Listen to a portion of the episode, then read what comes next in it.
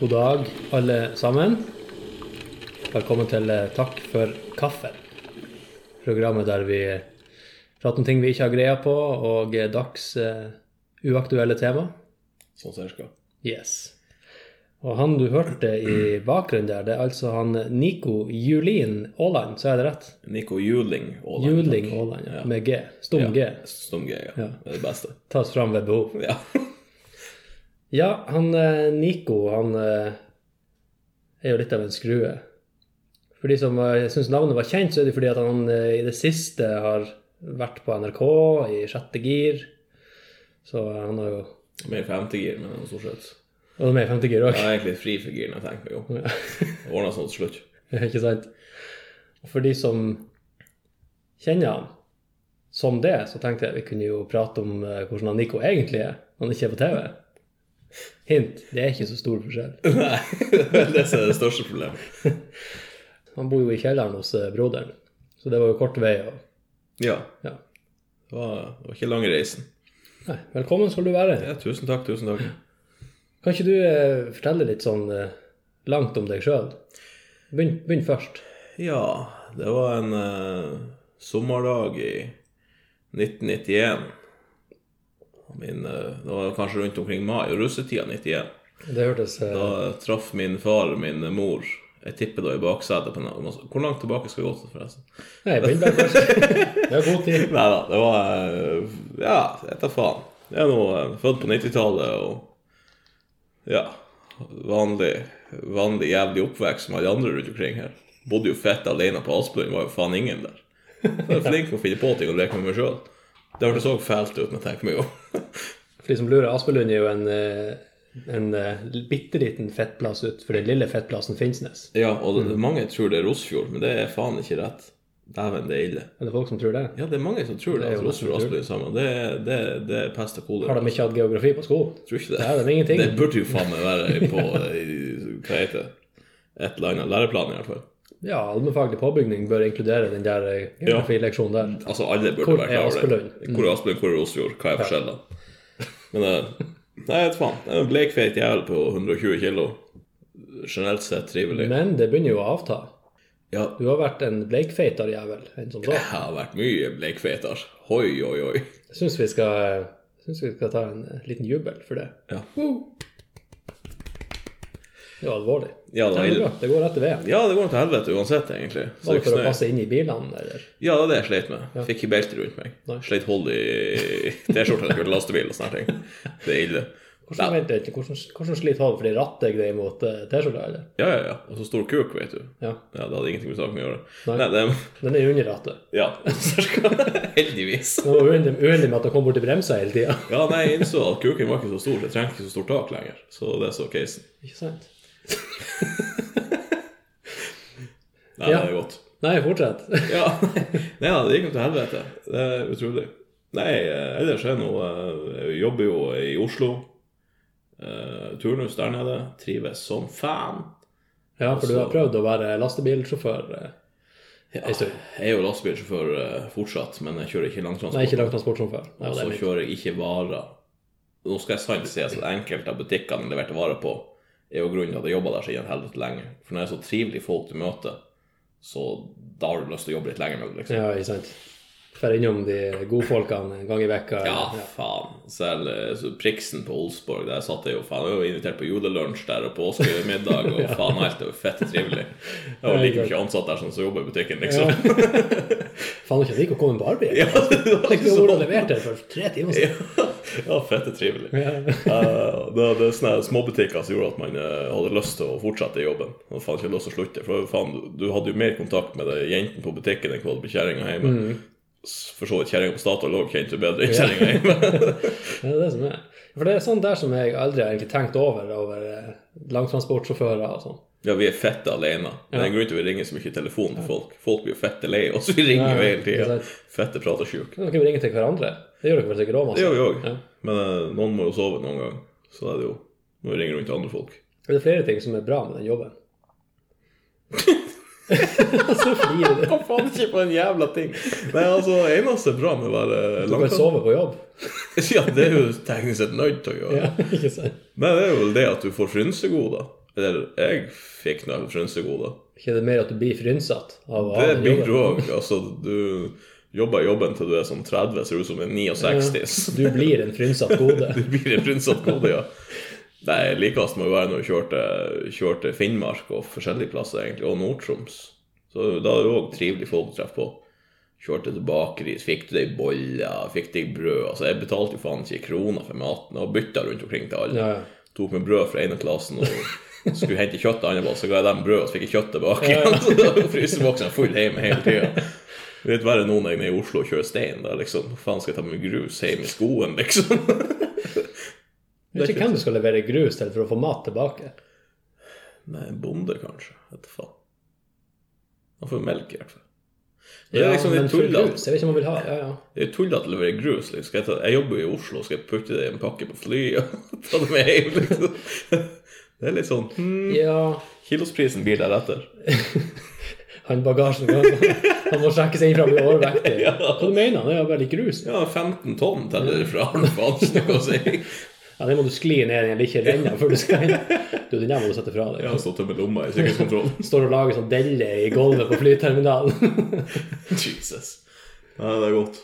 Nei, faen, altså. Altså. Jeg har vært såpass tjukk tidligere. Vi snakket om hvor tjukk jeg var tidligere. Jeg har vært så tjukk at når jeg skulle fare på uh, Otto som spiser buffé, så måtte jeg kjøpe to buffeer for å bli mett.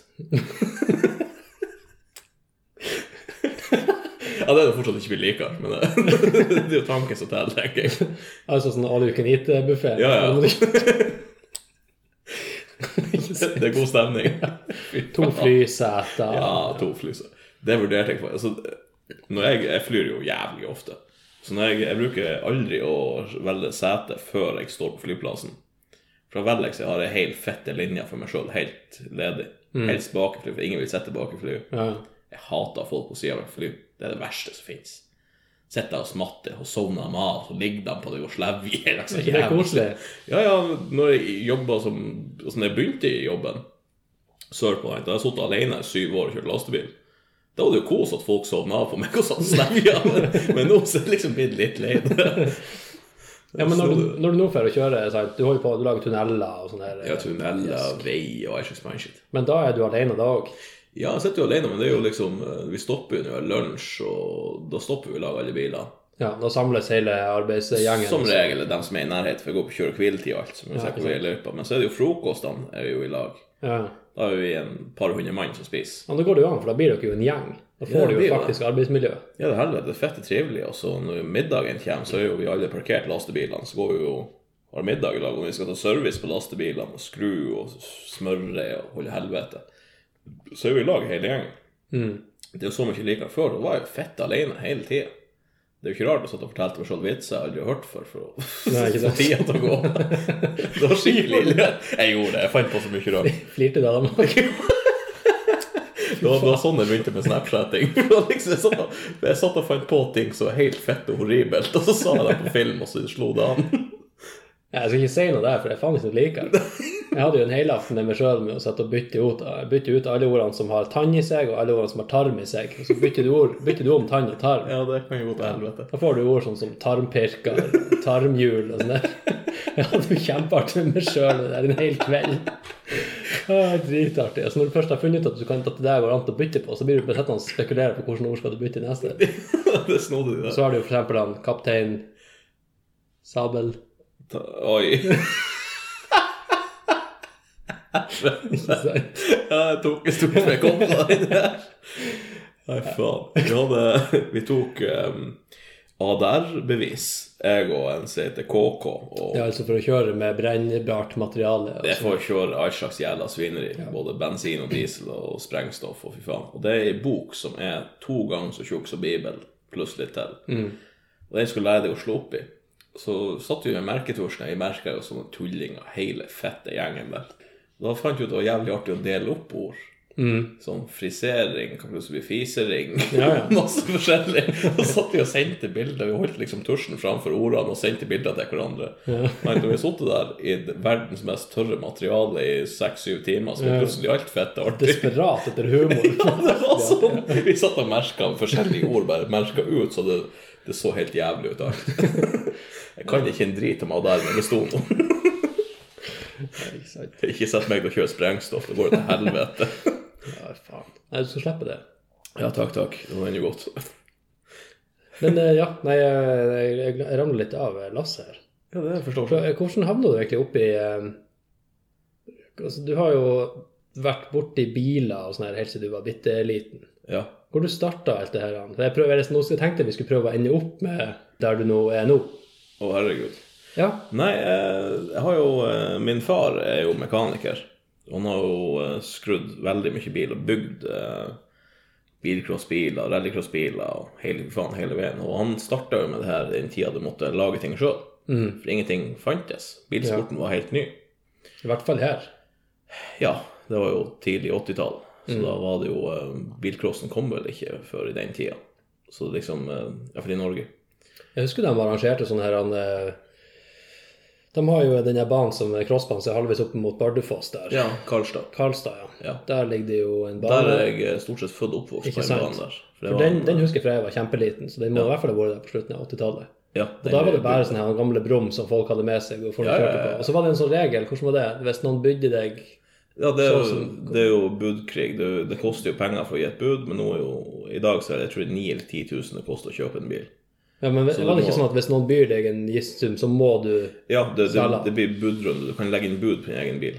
Du tar med en konvolutt med 9000 kroner i, legger i skranken, og så koster det 300 kroner å gi det budet.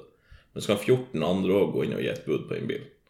For samme okay. greie. Så hvis det blir loddtrekning slutt, og så trekker de ut din kupong med 9000 i, så får du bilen tilbake igjen. Så får du beholde den. Ja, og hvis noen andre skinner, så er det dem. Men eh, jeg vet at folk som har lagt inn både 10 og 15 bud sjøl på en bil. Ja. Med tanke på at det er 9000 kroner i hver konvolutt, så blir det plutselig bra mye penger du har lagt inn i kontanter der. Å, helvete. Men det er jo eh, Men det er sant, det er for at du skal ikke Folk skal ikke koste på biler. forholdet og, Det skal være I Sverige heter jo bilcross folkrace. Ja. Og det ordet liker jeg bedre, for det er jo for folket. Folk er. Ja, folkrace. Det er for at alle skal kunne stille på det, og det er jo fette artig. Ja.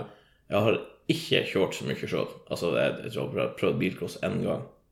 Men det er så sinnssykt artig. For det er jo Prisene er lave, alle kan starte. Men det eneste du har ha sjøl, det er jo personlig utstyr. Det er jo hjelm og klær, liksom, og sånn småtteri. ja, ikke sant. Og så kan du eh, hoppe i en bil og klikke totalt. Det er jo dritartig. Husker du det var kjempeartig å se på det der Ja, det er jo dritartig, særlig når du ser hvor sinte de blir og krasjer i hverandre. Det er jo et helvetes liv, alt.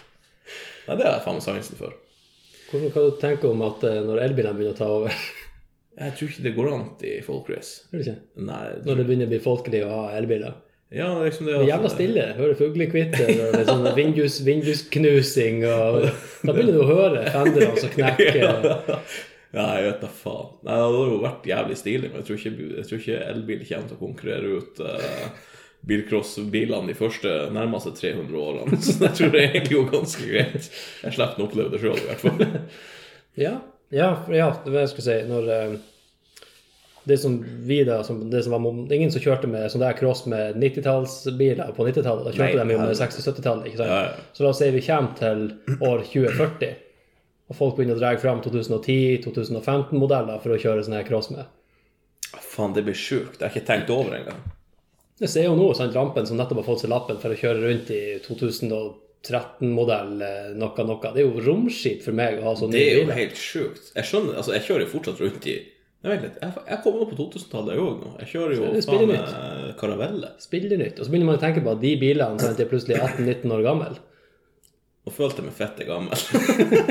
Vær så god. takk, takk. Nei, dette tar faen, men eh, altså, bilcross med en, liksom, en 2019-modell, for å si det sånn Må faen vite. Det må jo skje. Jeg tror det blir en ny gren. Jeg tror ikke det blir kalt bilcross lenger. da for det er ingen biler i dag som har vært uten turbo. Nei, og det kan det ikke være. Nei. Nei, Da blir jo det den nye regelen. Det må jo alle må ha turbo. Ja, alle må ha turbo. Du kan ikke komme med Det et rom som ikke har. Ja. Alle starter med 300 hester bilcross, liksom. Feetrack og Ja, så må du selge den for 9000 kroner. ja, Faen, det er kjipt. For den summen blir ikke forandret seg. Det var svindyrt for 40 år siden. Nå er det helt ok. Om, eh, om 20 år så er det fettbillig. i, er ukelønn. 200 kroner, liksom. for ja. Du få en kasse øl for denne bilen. Ja, det høres ut som en god plan. Ja. Nei, helvete. Nei, altså, eh, han, han drev jo til- tilbake han, eh, Pappa har holdt på med bilcross og all slags dritt. Vi var jo på, på Karlstadbanen. For det er jo en eh, kompis av han pappa som har banen på Karlstad. Så jeg er jo oppvoksen der i å banke på blekk og gjøre alt det greiene her fra jeg var knøttliten. Mm. Og så har det bare festa seg så når jeg ble eldre og virkelig begynte å interessere meg for det her, så var det en pappa og kjøpte en bil så vi skulle eh, rette i lag og styre og herje på. Og siden det så har jeg holdt på med det. Jeg, har, eh, jeg likte skikkelig det. Og det, det er mestringsfølelse du får når du kan ta noe som mannskitt og gjøre det til litt mindre mannskitt. Mannskitt som flytter seg sjøl. mannskitt som flytter seg sjøl, det er fett artig. Ja. Men har du Gikk du mekanikerlinja på skolen? sånn? Har du utdanning som mekaniker? Eller bare skrudd sjøl? Jeg hadde jo en våt drøm om å bli eh, bilelektriker. Ja, Holde på med elbiler, faktisk, og sånne her ting. Det, Det var noe sånn eh, svakstrøm og sterkstrøm. Da får du begge delene, liksom. Mm. Men så viser det seg jo det at eh, den linja ble jo lagt ned da jeg gikk elektro. For det var jo faktisk ei linje som var mer spesialisert på det i Norge. Men den ble lagt ned da jeg gikk elektro. Hele linja, ikke bare der du skulle gå på skolen? Nei, hele linja var eh, lagt ned. Ser du det? Og så eh, Da gikk jo jeg elektro, for bestefar min er òg elektriker. Eh, Så gikk jeg elektro. Jeg gikk noe sånn middelmådig. Så begynte jeg da på kjøretøy på andre året. Og det gikk bare drit, for der lærte jeg jo faen ingenting. Nei. Det var, altså Vi skulle sette i hop en Volvo-motor. Og det er jo noe som man kan gjøre med bind for øynene, stort sett. Men vi fikk ikke lov til å starte den etterpå. Hvorfor ikke? Nei, det sa jeg òg. Så gikk han bort og så dreide han rundt motoren Så han, ja, motoren går jo rundt, da vil han jo fungere. Så jeg men hva i helvete? hva i faen lærer man da? Ja, ikke sant? Men så uh, fant jeg det var ikke nok for meg. tenkte jeg, fuck it, jeg skal bare Jeg må gå transportfag, da. Da kan jeg jo kjøre lastebil, i hvert fall. Pappa hata jo at jeg skal kjøre lastebil. Og alle det? andre rundt meg, for det, han har vært yrkessjåfør.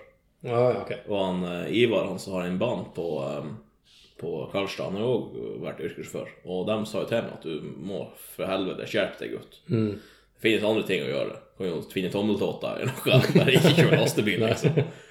Men selvfølgelig, folk sier til meg at jeg ikke skal gjøre noe, så gjør man jo det.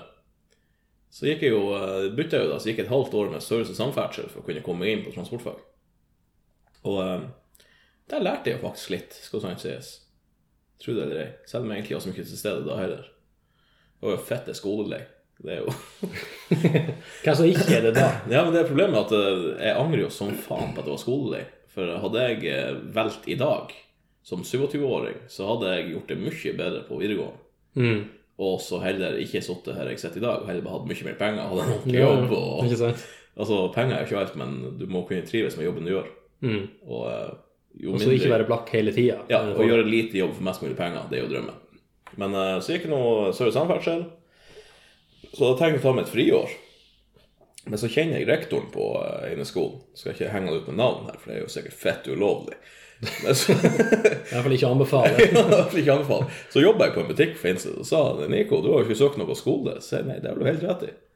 Ja, om jeg ikke hadde lyst til å gå elektro andre året. Se jo, jeg har ikke søkt noe. Ja, men da kommer du på skolen på mandagen. Så det er sånn ordna bare plass. Ja, for det var ledig plass der. Trumpa deg inn på Så da skolen. for jeg inn på skolen da på Ibos, da. Det må jeg si, det var jævla svært gjort av han, da. Ja, det var At han, eh, fanget deg opp sånn. Herregud. Det, han er kjempekar. Og så begynte jeg da der, og det gikk jo jævla bra. For det, elektroen lærte jeg jo eh, svært lite av da jeg gikk første året. For Mm. jeg følte jo ikke med i det hele tatt. det var helt uinteressert. Men alt det jeg ikke lærte på hele første året, det lærte han eh, Jeg tror Oddvar han heter. Han har skrevet noen lærebøker òg. Han er fette flink lærer. Han lærte meg det på jeg tror to timer, så kunne jeg alt. Ja, ja. Det var helt vanvittig. Hvor har han vært hele ditt liv? Ja, var sånn, faen, sånne der lærere må det finnes flere ut av. Så begynte jeg liksom å satse på faen, her går jo bra. Men så hadde jeg en periode hvor det daua mye kompiser rundt meg, og familiemedlemmer, en slags piss.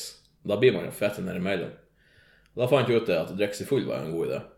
Hvordan anledning? Altså, hva som Var det noe Var det bilting? Nei, det var ting, hva som skjedde med folk? det var alt ifra tragiske hendelser til ulykker, rett og slett. Ja. Med både på jobb og fritid, holdt ja? Og familie så var det jo ja, alderdom og kreft og all slags jævla svineri. Så liksom når eh, de begynte å ry unna for unna, så var jo jeg bare mindre og mindre på skolen, for jeg hadde det jo faen ikke trivelig. Men Nei, eh, ikke sant?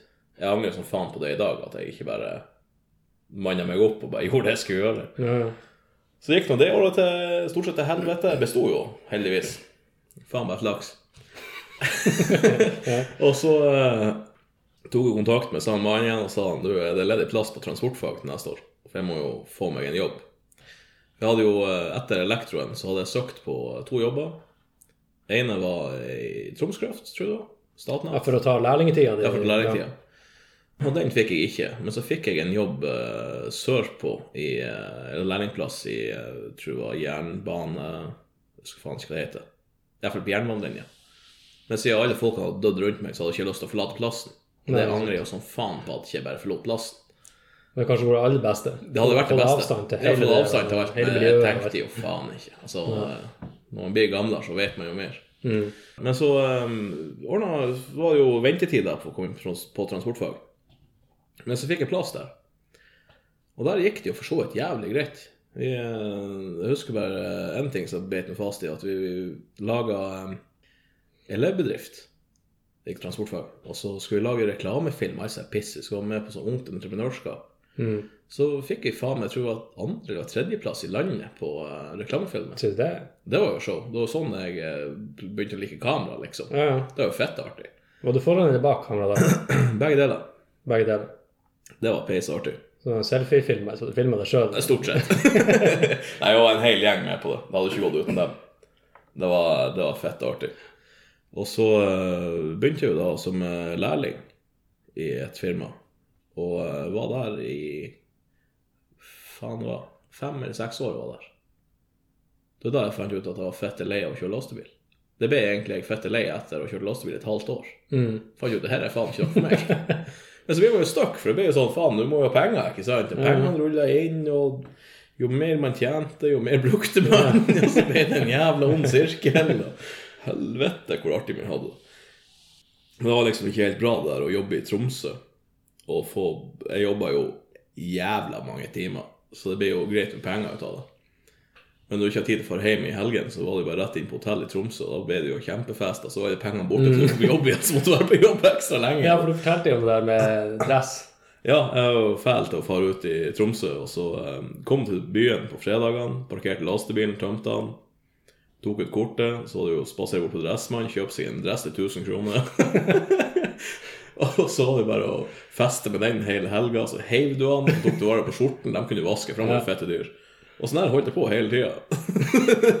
Så det var dress og festbudsjett. Det var Ja, det var stort sett det. det. Altså, jeg tror snittforbruket mitt i helgen i Tromsø Jeg var der to helger i måneden, røftlig. Da var det rundt 15 000 som gikk hver gang. Fy faen. Mellom 7 og 15 Med 000. hotellrom og hele Det er dritten. utenom hotell. Det er uten hotellet, ja. Det Ikke sant? var kun brennevin og klær det gikk i. Ja, helt fette kokte. Jeg hadde jo faen ikke kontroll på noe som helst. Det var, det var, det var tider. Ja, ja, ja. Men det var jo damer òg, da. Så hyggelig. Bruker jeg? Ja, det bruker jeg. Det er snodig, det. For ellers kan man dra på byen. Det er det å tenke. Nei, faen. Og så uh, bytta jeg jo Jeg har gjort litt forskjellig. Jeg tok meg jo uh, Tok meg jo noen måneder permisjon for å jobbe i oppdrett. Det var jævlig artig. For da liksom, jeg kjørte lastebil, så du, du blir jo aldri ferdig utlært lastebilsjåfør. Du treffer hele tida nye utfordringer og sånne ting. Det er nå greit. Men når du har kjørt noen år, så blir det lenger imellom dem. Særlig når du kun kjører samme driten hele tida. Mm. Så bytta jeg til eh, å jobbe litt eh, i lakseindustrien, håper jeg. Med oppdrett og var røkter og var rundt på forskjellige båter og kjekte litt sånt. Og da lærte man noe nytt hver jævla dag. Ikke sant? Og det likte jeg. Ja. Men Og så, eh, du snakka jo også om det med Noe av det som var drit med å være lastebilsjåfør, var det at du kom til ulykker så ofte. ja, det var derfor jeg var på tur fra Narvik opp Fossbakken. Så kom det en eh, utlending imot meg som bremsa i ene svingen der oppe. Du skal ikke bremse i en sving når det er glatt. Nei. Så da slapp jo hengeren hans og tok med seg eh, dekselet fram på fronten av lastebilen og inn i speilet. Og bulka døra. Det er sånn, Da lå jeg allerede i snøskade for å komme meg gjennom den, men det var så høy skade, du kom det ikke gjennom. Da vet du at du ser jo døden i hvitøyet, og du begynner jo å tenke deg om at det her, er- jeg har ikke lyst til å dø på Fossbakken, for helvete. I en lastebil. Det er jo Nei, ekstra nei. trist. Helvete. Så uh, ringte jeg til Akros i Tromsø og spurte om han hadde ledig tid. For jeg skulle på uh, fri. Jeg jobba jo turnus da òg. Hva er akros? Akros det er dem som uh, tar Du kan ta STCW, altså sikkerhetskurs for Ja. sjøfolk. Mm. Og alt sånt i Tromsø. Jeg mener Akros de heter. Jeg husker helt. Har vært der, men jeg husker ikke Det navnet. er noe med ANC og sånne blå logo. Hvis dere er interessert, så bare google jævla. så finner dere dem. Men i hvert fall, eh, da ringte jeg til dem og spurte om de ledig tid noen plass i fremtida. Det var en fredag, og sa de ja, vi har ledig på mandag. Så jeg, det er flott, da kommer jeg. Ja. jeg hadde jo aldri jeg ikke tenkt noe jeg skulle jobbe med, noe som helst. Bare fuck it. Parker den jævla dritbilen i Tromsø. Drakk meg full den helga, og så for jeg til eh, rett ned på den lærerdriten etterpå. Og, Kom du i dressen da, eller? Nei, jeg kom ikke i dressen. Jeg kom i joggebuksa og sliten T-skjorte. Nei, det var faen artig. Så tok hun det kurset der, men det ble jo liksom aldri noe ordentlig sjømannsjobbing på meg. Jeg prøvde jo et par plasser, men det at du må, du må nesten stå på kaia her eh, med helseattesten i handa og se at du kan ro for å kunne komme med. Og det var jo et problem med at jeg jobba som jeg jobba. Det er jo det, eller så må du være For eksempel tar, eh, hvis du er maskinist, Ja. så hyler de jo etter folk. Det er bare å gå på ja, hvor som helst. Vanlige matroser og fiskere er det jo eh, ganske stappa marked på. Særlig etter olja gikk til helvete, som gjorde den tida der. Mm. Men eh, det ordna seg jo for mesteparten av dem jeg tok til kurslandet. Vi ble jo gode kompiser med flere av dem. Det er jo peisartig. Og så uh, høvdes det sånn at jeg fikk være med på oppdretten der en stund. Og der fikk man jo se litt av det å være ute. Og det var jo fett artig. Mm. Og så har jo kyva med meg et par turer når kompiser har vært ute. Og det er jo òg fett artig å være med på. Ja, ikke sant. For fiske og sånt, det er faen noe som interesserer meg. Og skjønner generelt det å være på havet. For eh, 90% av familien min er jo på havet. Jeg har vært på havet. Så du har genene i orden. Ja, jeg blir nå ikke så sjøsjuk, i hvert fall. Nå har jeg ikke prøvd eh, å være utfor timila og kalle det for der det virkelig begynner å bli. Ute på, på havet. Ute på havet, så kaller jeg det for, ja. Jeg er jo bare i skyen nå, altså. Ja. Drefte fjorden. I Dreffefjorden. Men uh, det var, det var peis artig å lære noe nytt. Og så bare Da ble jeg jo imponert, for jeg jeg, jeg har jo hele tiden sett litt sånn laks og sånne ting. Bare faen, oppdrettslaks, det er jo ikke noe særlig. Og faen, hvor skitten det er der, og alt det pisset der. Men så, jeg var jo fordomsfull hos alle andre. Jeg har jo sett filmene på YouTube der man er nede og kjenner på havbunnen. Du ser dykkerne nede der og vaser. Så begynte jeg å jobbe og skjønte at de filmene der er bare tøv. Du kan jo faen ikke dykke ned på 200 meter og Nei. kjenne på havbunnen. Da er du fette død. Det tar for lang tid. Ja, så fikk jeg jo uh, se da at det var jo Vi hadde jo uh, miniubåter, hva faen heter det for noe, ROV. Sånn ROV. Ja, kjekt. Det var jo sprudlende liv på havbåten der, og det var fette rent. Og i tillegg så er det så det er så mye kameraovervåkning i Mære at uh, Datatilsynet burde jo kobles inn og høre om det er greit for fisken, egentlig. Er så inn i et helvete med kamera i er jo Ja, nå er det jo det. Ja. Ja. Det, den plassen jeg var på, eh, de er helt ekstreme på, på det her med sikkerheten og at det ikke skal være utslipp og forskjellig. Mm. Så fòringa der er jo tett overvåka. Det er jo eh, stort sett hele en mann på flåta som følger med på fòringa. Og så i tillegg er det jo fjernstyrt, som sitter jo i faen er Lekneset, faen har en forings... eh, Folkene jobber. Sitter de hele døgnet og kikker på fisk Mm. for å se om det er galt der, om det kommer muffens. Og det er jo peiserått Ja, ja. Da skjønte jeg jo det at det her oppdrettsnæringa som er så nedsnakka, det er noen få useriøse aktører som tar ødelegger hele næringa. Det syns jeg er teit. ja det, blir, det blir gjerne sånn. Ja, det blir det Altså, der Noen er åpner egg, og så får alle sammen feil inntrykk av det. Jeg spurte jo liksom hvorfor de ikke brukte de andre lokasjonene. Nei, de skal ligge brakk i tre år til. For de lot dem ligge i tror jeg, fem år i slengen, enkelte lokasjoner. Selv om de hadde konsesjon til å kunne drive flere lokasjoner, så stengte de av en i så og så mange år, og så bytter de på det. For de skal være helt sikre på at alt var gått tilbake igjen til normalen. Ja, ikke sant? Og dem som kun er ute etter penger, og driter i kvaliteten på de leverer, de gir seg jo faen og produserer jo og produserer og produserer. Ja, ja. Og fjorden blir ødelagt. Men det er noe, det er noe så. Jeg har også generelt inntrykk av at det er godt styrt, godt kontrollert. Ja, jeg tror det er veldig altså Her i Nord-Norge tror jeg det er veldig godt kontrollert. Men det er jo for at eh, vi har jo kaldere hav her, og alt det hjelper på. Jo kaldere du har det, jo likere er det nå at det er mye formening. Det er ikke like mye oppmuldring av jævelskap når det er kaldt. Nei, ikke sant. Det er noe. Da var du innom det en tur, i hvert fall. Ja, jeg har vært innom det, og så prøvde meg på å kjøre litt eh, langtransport. Det var ikke så helvetes mange måneder jeg var der. Da var det mellom eh, Finnmarka og sørover. Og det var jo en opplevelse å være vase i Finland hvor faen ingen snakker svensk, og ingen snakker norsk, og han vil faen ikke snakke engelsk. Da fant jeg ut at hei, jeg er kanskje litt for langt på Innlandet. Nå har jeg kjørt litt feil her. Nesten på grensa til Russland, så det er på tide å svinge litt andre veien. Fra de, langs kysten i Finland så prater de svensk. Ja, det. Og der innrømmer jeg at de kan engelsk. Men er du inne i myggholda langt faen i vold i helvete, så kan de ikke kommunisere med deg. Og det er ganske for spennende. Jeg skulle bestille meg en liten burger der på ene plassen. tenkte jeg at ja, det her så jo jævla bra Så et bilde av han. tenkte sånn Det er sikkert sånn Burger King-skit at han er 200 gram maks. Så begynte jeg å ane uroen. En unge hadde bestilt seg taco. Og det var faen meg tror jeg, fire kilo med taco på en jævla tallerken. Det så ut som et uh, serveringsfat han fikk maten på. Den jævla dungen. Fikk jeg burgeren, og jeg tror ikke jeg lyver hvis jeg var 1,5 eller 2 kilo med kjøtt. Det var fette digert. Jeg spurte om hun var fette seriøs, og hun sa bare 'hæ'? Jeg tror ikke hun skjønte hva jeg sa for noe.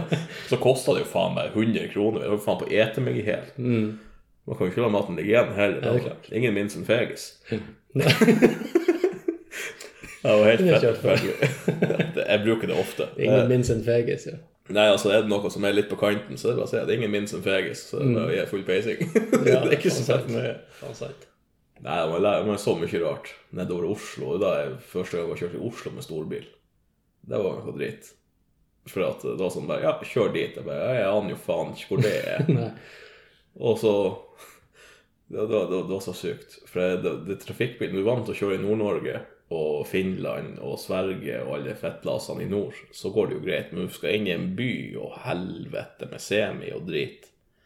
Det er nok forbanna mannskitt. Kjører du deg fast der inne i Trangata, så ikke bare bakke ut igjen og Nei, altså nå er det jo det for meg, for nå har jeg kjørt så mye inn i Oslo. Nå er jo jeg og brutt semien overalt, for nå er jeg vant til trafikken.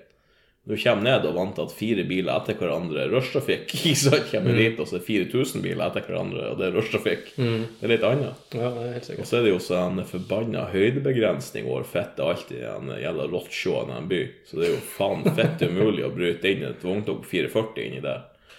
Det er noe som man lærer venne seg til. Problemet med Google og det jævla GPS-en at det står ikke høydebegrensning der på veien. Nei, det gjør det jo Når det ikke er rushtrafikk, så velger han den korteste veien. Og hvis du ikke følger med og ser han peiser deg utfor hovedveien, så har du et helvetes problem. Men hvordan er det der hvis du skal levere inn i suppa der, der det er høydebegrensning og plassmangel og alt det her? Ja, da må du finne en vei. Ja, men hvis du ikke kommer deg inn, kommer, er det sånn at plasser du kan bare sette det en annen plass, og så kommer kundene og henter det? Eller? Nei, da må du laste om på en mindre bil. Ja, ikke sant? Det hender seg, det òg. Men eh, nå så jeg kjører en eh, Vi kjører jo semi med, med tipptraller på. Altså en sånn diger, lang jævla balje du hiver stein oppi. Og så hadde jeg vært og kjørt eh, personbil. Og da hadde jeg valgt at jeg skulle velge utenom eh, motorvei dagen før. Glemte å endre GPS-en min tilbake igjen. Scooteren klar, fikk en adresse på telefonen. Hit skal du og hente stein og helvete. Tenkte ja, det blir jo god peising. Jeg har jo hørt om eh, Hva faen heter plassen? Var det Stabekk? Jeg har hørt om Stabekk før, liksom. Det er med fred og all fare i tankene, så hoppa jeg inn i lastebilen, tråkker inn på GPS-en, tråkker 'kjør', for jeg vet at han peker meg jo rett vei. Det er jo ikke så du ringer tre Ring 3, liksom. Du kjører den bare. Så fulgte jeg litt for mye med på en jævla GPS da plutselig var jeg inne i et boligfelt med en semi, ikke sant. Og så eneste veien å kjøre var beint fram, og der var det jo en eh, 180 graders knappsving, så jeg lå jo oppå fortauet, jeg måtte jo klappe inn speilene, fikk ikke ta i skjelt. Kom nedi der, så var det jo en bru som var 2 meter og 20 høy, og kommer en semi som er 4 meter og 10. Ikke sant? Det var sånn helvete. Og så selvfølgelig Jeg starta jo ut fra eh, plassen vi er lokalisert på, klokka hva faen det var, og halv syv om morgenen. Rett før det begynner å steppe inn med rush. Folk begynner å våkne og begynner å nærme seg åtte. ikke sant? Så i boligfeltet jeg sto i, det var jo kø i alle gatene. Jeg måtte drive på rygge og jukse, og så var jeg halvveis inn i et hus der for å komme vekk derifra. Og jeg kaldsvetta altså innst i en helvete. Jeg tror jeg var fettet dehydrert når jeg var ferdig. Jeg tror jeg drakk en 16 liter vann for å få det der tilbake. Det var helt ille. Da tenkte jeg at Nico, din jævla idiot, mye helvete i GPS-en. Så fant jeg en, eh, kar jeg jobber med. Han er fette flink til å finne fram. Han er jo uh, gammeltraver i yrket. Han kan jo kjøre uten GPS til uh, jeg holdt på å si Malmö, men det var jo ikke så jævlig imponerende. Wow, så det er helt altså, han kan kjøre Nordkapp Cape Town med øynene igjen, stort sett. Han er fette flink på retningssans.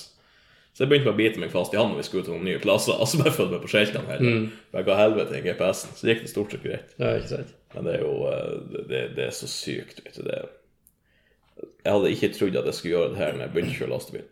Men uh, nå har jeg det jo faktisk trivelig, for det er jo så jævla sosialt. Og I helgen når vi har parkert lastebilene og pussa og gnekka på og gjort alt, så får vi ut på byen, tar oss en pils og koser oss. Det er jo fett artig. Ja. Ja, Jeg ser at du trives. Ja, nå Det er jeg. bare glis når du prater om den jeg jobben. Ja, faen, det er en fin jobb, altså. Så er det så jævlig sånn Når sjefene eh, ikke er hestkuker, de de er litt mer sånn som ansatte, for å si det sånn. De vet at den jobben du gjør, må gjøre sånn og sånn, og så holder de kjeft og bare fungerer. Det er veldig greit. Mm. Liksom Eneste regelen har i firmaet, er at hvis du ødelegger noe, så sier du fra om det, og lyver du, så har du et jævla stort problem. det er jo en ærlig sak. Men du lyver jo ikke. Nei, Du er klasker ved bordet jevnt og trutt at du er en ærlig kar. Ja, det er en ærlig sak, i hvert fall. Ærlig kar, vet da faen. Jeg, eh, jeg liker hva det er for, lystløgner. Men da vet man at du lyver. Ja, ja, da vet man at jeg vel lyver faen meg alt. Lyver og skryter jeg er jævlig flink på. Så skal det bli god historie ut av det. I hovedsak. Ja, så lenge det ikke går utover noen, Ja, det er det så er det egentlig greit. Men det er sånn, på jobben da er det jo jævlig greit å bare ha det seriøst. Har du ramponert noe, så sier du ifra, liksom. Mm.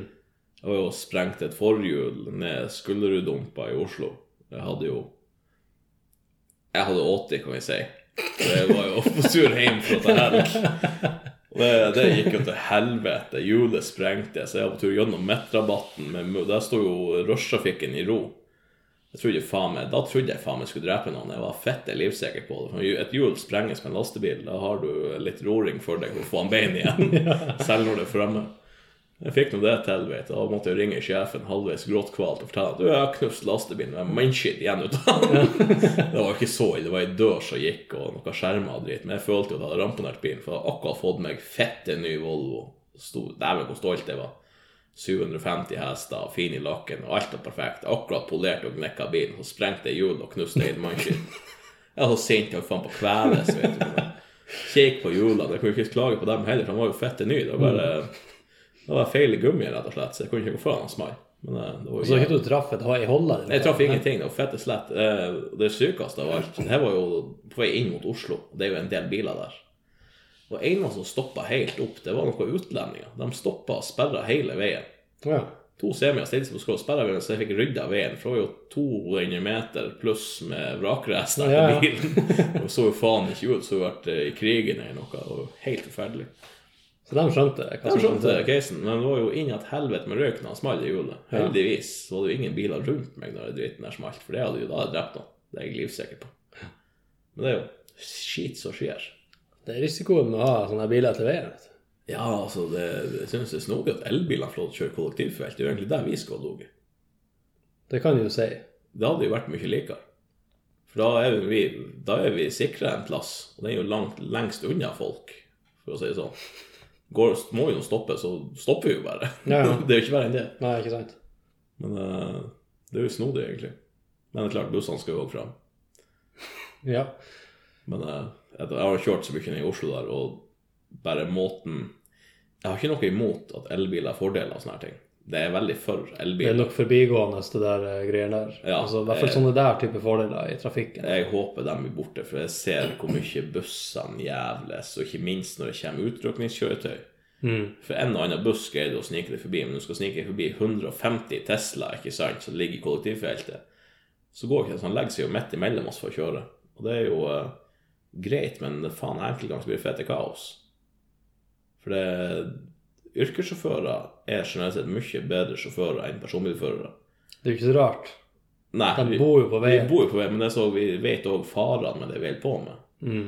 Og en personbilbilist, han vet ikke hvor jævla stor plass en lastebil tar. Nei, og Og hvor han ikke ser hen, og hvor han og ser. hvordan han må planlegge bakkene sine. Så det er jo et jævla prosess skal, i rushtrafikken i Oslo skal slippe forbi utrykningskjøretøy. Så skjønner ikke han framfor deg at han må claime seg inn i bilen framfor skal vi ha plass til å komme oss forbi han. Vi har en henger etter oss og masse drit. Mm. Og så er det at når utrykningskjøretøyet er kjørt forbi, så ser ikke vi han som ligger i blindsonen på høyresida og prøver å klemme seg inn framfor fronten vår. Eller han på venstresida som er i blindsonen. Så det er mange nestenulykker der. Du vet jeg har flere biler som kommer fra høyre på passasjersida av lastebilen, skal legge over til venstre. Så ser ikke vi den bilen i det hele tatt, for den ligger så nært. Og da treffer han hjørnet av bilen vår, så dytter vi han. Vi kan dytte han 150 meter, for vi merker Ja. at han ligger framfor oss på skeiva. Ja, det er liksom Det er så sykt. Det er, eh, men det er jo sånn som vi ikke tenker på. Så at han vifter med fingrene til oss når vi kjører sakte oppoverbakken. Man skjønner ikke at vi er 50 tonn, og det tar litt tid for å komme seg oppover. Vi har like mye hester som Teslaen, sa, liksom. Nei, sant. Jeg er jævla glad for det. Jeg har jo, jeg har jo tatt noe sertifikat. Jeg har jo ikke, jeg har jo ikke tung lastebil, jeg har jo lett lastebil. Men du får jo samme mentaliteten. Ja. For den har jo også, den har gjerne mindre hester, men du har også en del vekt du skal ha med deg, så du må jo planlegge mye av kjøringa på lik måte. ja, det må det. Så jeg er jævlig glad for at jeg har det, og motorsykkel og diverse sånne, at du, du er vant til å se etter de trafikantene Ja. i trafikken, og du er vant til å kunne tenke sånn det. Ja, altså, jeg elsker den som kjører motorsykkel. Spesielt i rushtrafikken. for dere gjør jo plass til dem. ikke sant? Så sniker de seg forbi oss. Det er jo genialt. Mm. Det de, ja, de som kjører motorsykkel, kjører lastebil og større, større ting, de vet trafikkbildet. Nå ikke, kan jeg ikke ta mopedistene som eh, som, eh, som motorsykkelkjørere, akkurat, for de er jo fette tilbakestående, mesteparten av dem. Ja, som regel 16 år Ja, de har jo- med den livserfaringa. Er ingen, ja. ingen erfaring, og det er jo livsfarlige folk. Dæven, de gjør mye galt. Men du kan jo ikke bli sint på dem heller, for de vet jo faen ikke bedre. Nei, må lære dem òg. Ja. Det blir synd de skal lære på en uh, sykkel på 50 kilo det det liksom med null beskyttelse rundt seg. Og, Da er vi tilbake på bilcross. Yes. Her er hvorfor dere kjører bilcross. Fra dere er 15 år gammel kan dere begynne å herje rundt i bil, og da lærer dere å kjøre bil. ja, ja. Altså, Skulle jeg ha hatt et firma med yrkessjåfører noe sånt piss, og det var lærlinger, så hadde jeg spurt lærlingene om de har kjørt bilcross eller ikke. Så hadde jeg ti av ti ganger valgt en som har kjørt bilcross før. Mm. For han vet noe. Bilkontroll, i hvert fall. Jeg ser jo sånn som eh, Jeg har to ganske små småsøsken. Og de to de heiv seg på eh, motorsykkelcross. Å, helvete. De laga jo til løypa rett opp i huset for mamma. 80-tallsløypa der med hopp og greier. Og på ferd, er banen på Aspelund og kjøre der. Og. Ja. Så de er jævla gira på det der. Og han er en av de eldste karene, for han planlegger å ta lettsykkellappen. Mm. Det er jævlig betryggende å vite at han har kjørt crossykkel. Du helvete? Kan håndtere den, vet hvordan det er å tippe, og hvordan alt det mekaniske fungerer på han. Og, Altså, kan du kjøre crossykkel, så kan du kjøre lettsykkel òg Ikke? Det er bare å lære deg trafikkreglene. Ja. Ja. Høyreregelen er kjekk å kunne. Ja. ikke steile hele tida. Ja, sånn av og til. Ikke når politiet ser på det. Ja, Liksom. ikke sant. Nei, så det er jævla greit det der. Jeg husker vi sjøl jeg fikk, fikk jo lov til å prøve alt mulig rart. Snøscootere, motor Fikk jo moped da jeg var Faen, hvor var jeg gammel jeg var? Ti år kanskje da jeg fikk min første moped i handa. Her, kjør den her. Ja, ikke sant. Det er sånn vi òg hadde. Det er òg litt av delen hvorfor jeg er så jævlig glad i alt som motor gjør. Ja. Vi har en regel på hytta at uh, søsteren min hun er jo uh, ja, hun liker han som deg, stort sett. Et år yngre, ja. Ja, det er seks år imellom oss, i hvert fall. Og uh, hun fikk jo en Honda PX. Hun farta på på hytta. Kjørte rundt hytta hele helvetes tida. Fette vill. Og jeg hadde jo så lyst til å kjøre den mopeden der, men jeg nådde jo ikke ned. Nei. Så regelen var at når så fort jeg nådde ned, så jeg kunne holde mopeden sjøl, så kunne jeg få lov til å kjøre. Jeg var vel ti-elleve år gammel da jeg begynte å kjøre moped. Kjørte seg tulling hele tida. Men det er klart, sånn som vi holdt på, så går ikke an å gjøre nå. Vi kjørte jo opp i lysløypen og faen det som Det var jo det som var vår, det som var vår highway. Det var jo opp i lysløypa, så på krysset bygda med den, og så komme ned en annen plass der vi skulle til kompisen og sånn her. Det går ikke an å gjøre det i dag. Jeg husker jeg tok eh, mopeden bort til moderen på Aspelund. Når, eh, da hadde de akkurat lagt vannverket der. Da hadde de jo sletta masse skog, ikke sant. Det var jo autostrada med Ja, ja, mopeden ja. der. En som hadde høy fart, og så glemte han Hei, her er du i grøft. Så landet jeg med kjeften i naboen sin åker. Det var jo, det var jo Man lærer jo på de måtene. Ja, ja, faen gjør du det. Det var god stemning. Og god kaffe. Ja, kaffe på flaska Kaffe på flaska med kullsyre. med kullsyre og skum på toppen. Litt sånn gul i fargen. Skjønner ikke hvorfor det er tun i kaffen. Ja, liker han sånn. Ja, feil på koldfilteret, sier det. Jævla finmaska. Kaffefilteret jeg bruker i Ja, trakta. skjønner jo det. Nei, Men så eh, eh, Så har vi på en måte vært gjennom eh, karriere. ja. Men så har jo du plutselig fått en sånn eh, artig identitet nå nylig. ja. Hva faen som har skjedd her, egentlig? Hvordan ble du eh, sjettegir-Nico? Hvordan det- havna du oppi det her? Det lurer jeg òg på. Jeg satt i eh, semitrekkeren oppe i Kirkenes, tror jeg var. Ja, Vadsø, ja, tror jeg var. Fikk jeg en telefon og sa hei, det er så navnet sitt fra NRK. Så tok jeg et sukk og sa ja, jeg, har, jeg vet jeg har glemt av NRK-lisensen. Jeg regner med det var det de skulle ta. Og så bare Hæ? Hva faen snakker du om, liksom? Nei, nei det, Hæ? Hva du vil? Nei, det var om jeg hadde hørt om en um, serie som heter Sjettegir, da hun skulle starte en programserie. Jeg, nei, jeg har sett litt på det på Facebook, liksom. Jeg har sett det ja, om men ikke hadde tenkt å søke. Så jeg søker? Nei, det, det tror jeg nå ikke. Ja, hvorfor ikke? Nei, jeg tror ikke det er noe for meg, det er TV-greier. Det er liksom ikke noe eh, jeg hadde tenkt på som stort. Jeg har jo fleipa mye med at ja, jeg skal være med på Farmen og være med på Ja, ditten ja, og datten med og bare være tøv og alt. Mm. Men så um, fikk jeg jo da Hun da sa ja, vi kunne ta et eh, telefonintervju, da. Eller på Skype, faen. Og så gjorde vi nå det. Og satt jo og sjorra bare var meg sjøl. Jeg, kommer jo aldri til å være med på noe. Så da kan du bare være deg sjøl, tenker jeg. Hun satt jo bare flirte, og vi satt jo flirte igjen 45 minutter. Og så eh, plutselig fikk jeg telefonen ja, om jeg hadde lyst til å være med på serien. Så ja da, det kan jeg vel kanskje være. Men et par uker senere så fikk jeg vite at jeg skulle være med i uh, sjette gir da, på NRK, uten å ha søkt. Men hvordan, hvordan visste de om deg? Hva som Nei, skjedde altså, der? um, de hadde jo er noen som har tipsa? De hadde prata med mange, for det var over 700 søkere. Det var masse folk fra Nord-Norge som hadde søkt. Så han prata med dem, blant annet, og det hadde jo vært det at uh, mitt navn kom opp i mange sammenhenger. For jeg er jo Jeg har hele tida vært en jævla tosk. Jeg, har hele tiden, altså, jeg har det mest gøy når folk rundt meg har det gøy. Jeg har det ikke så fett artig når jeg flirer sjøl, men jeg liker bedre at andre folk flirer, og helst av meg. Da får du mye kjentfolk. Så jeg har jo eh, vært eh, lokalkjendis, eller jeg kaller det for her hjemme, i ganske mange år. For jeg har jo helt gjort sprell og tøv både på Snapchat og Facebook og fest og fylle og alt det der. Så mange folk kjente meg da, så ble jo jeg da tatt opp når de spurte om er det noen andre du har lyst kunne tenkt deg å se på i serien her. Så har jo folk vært jævlig hyggelige og nevnt meg, da.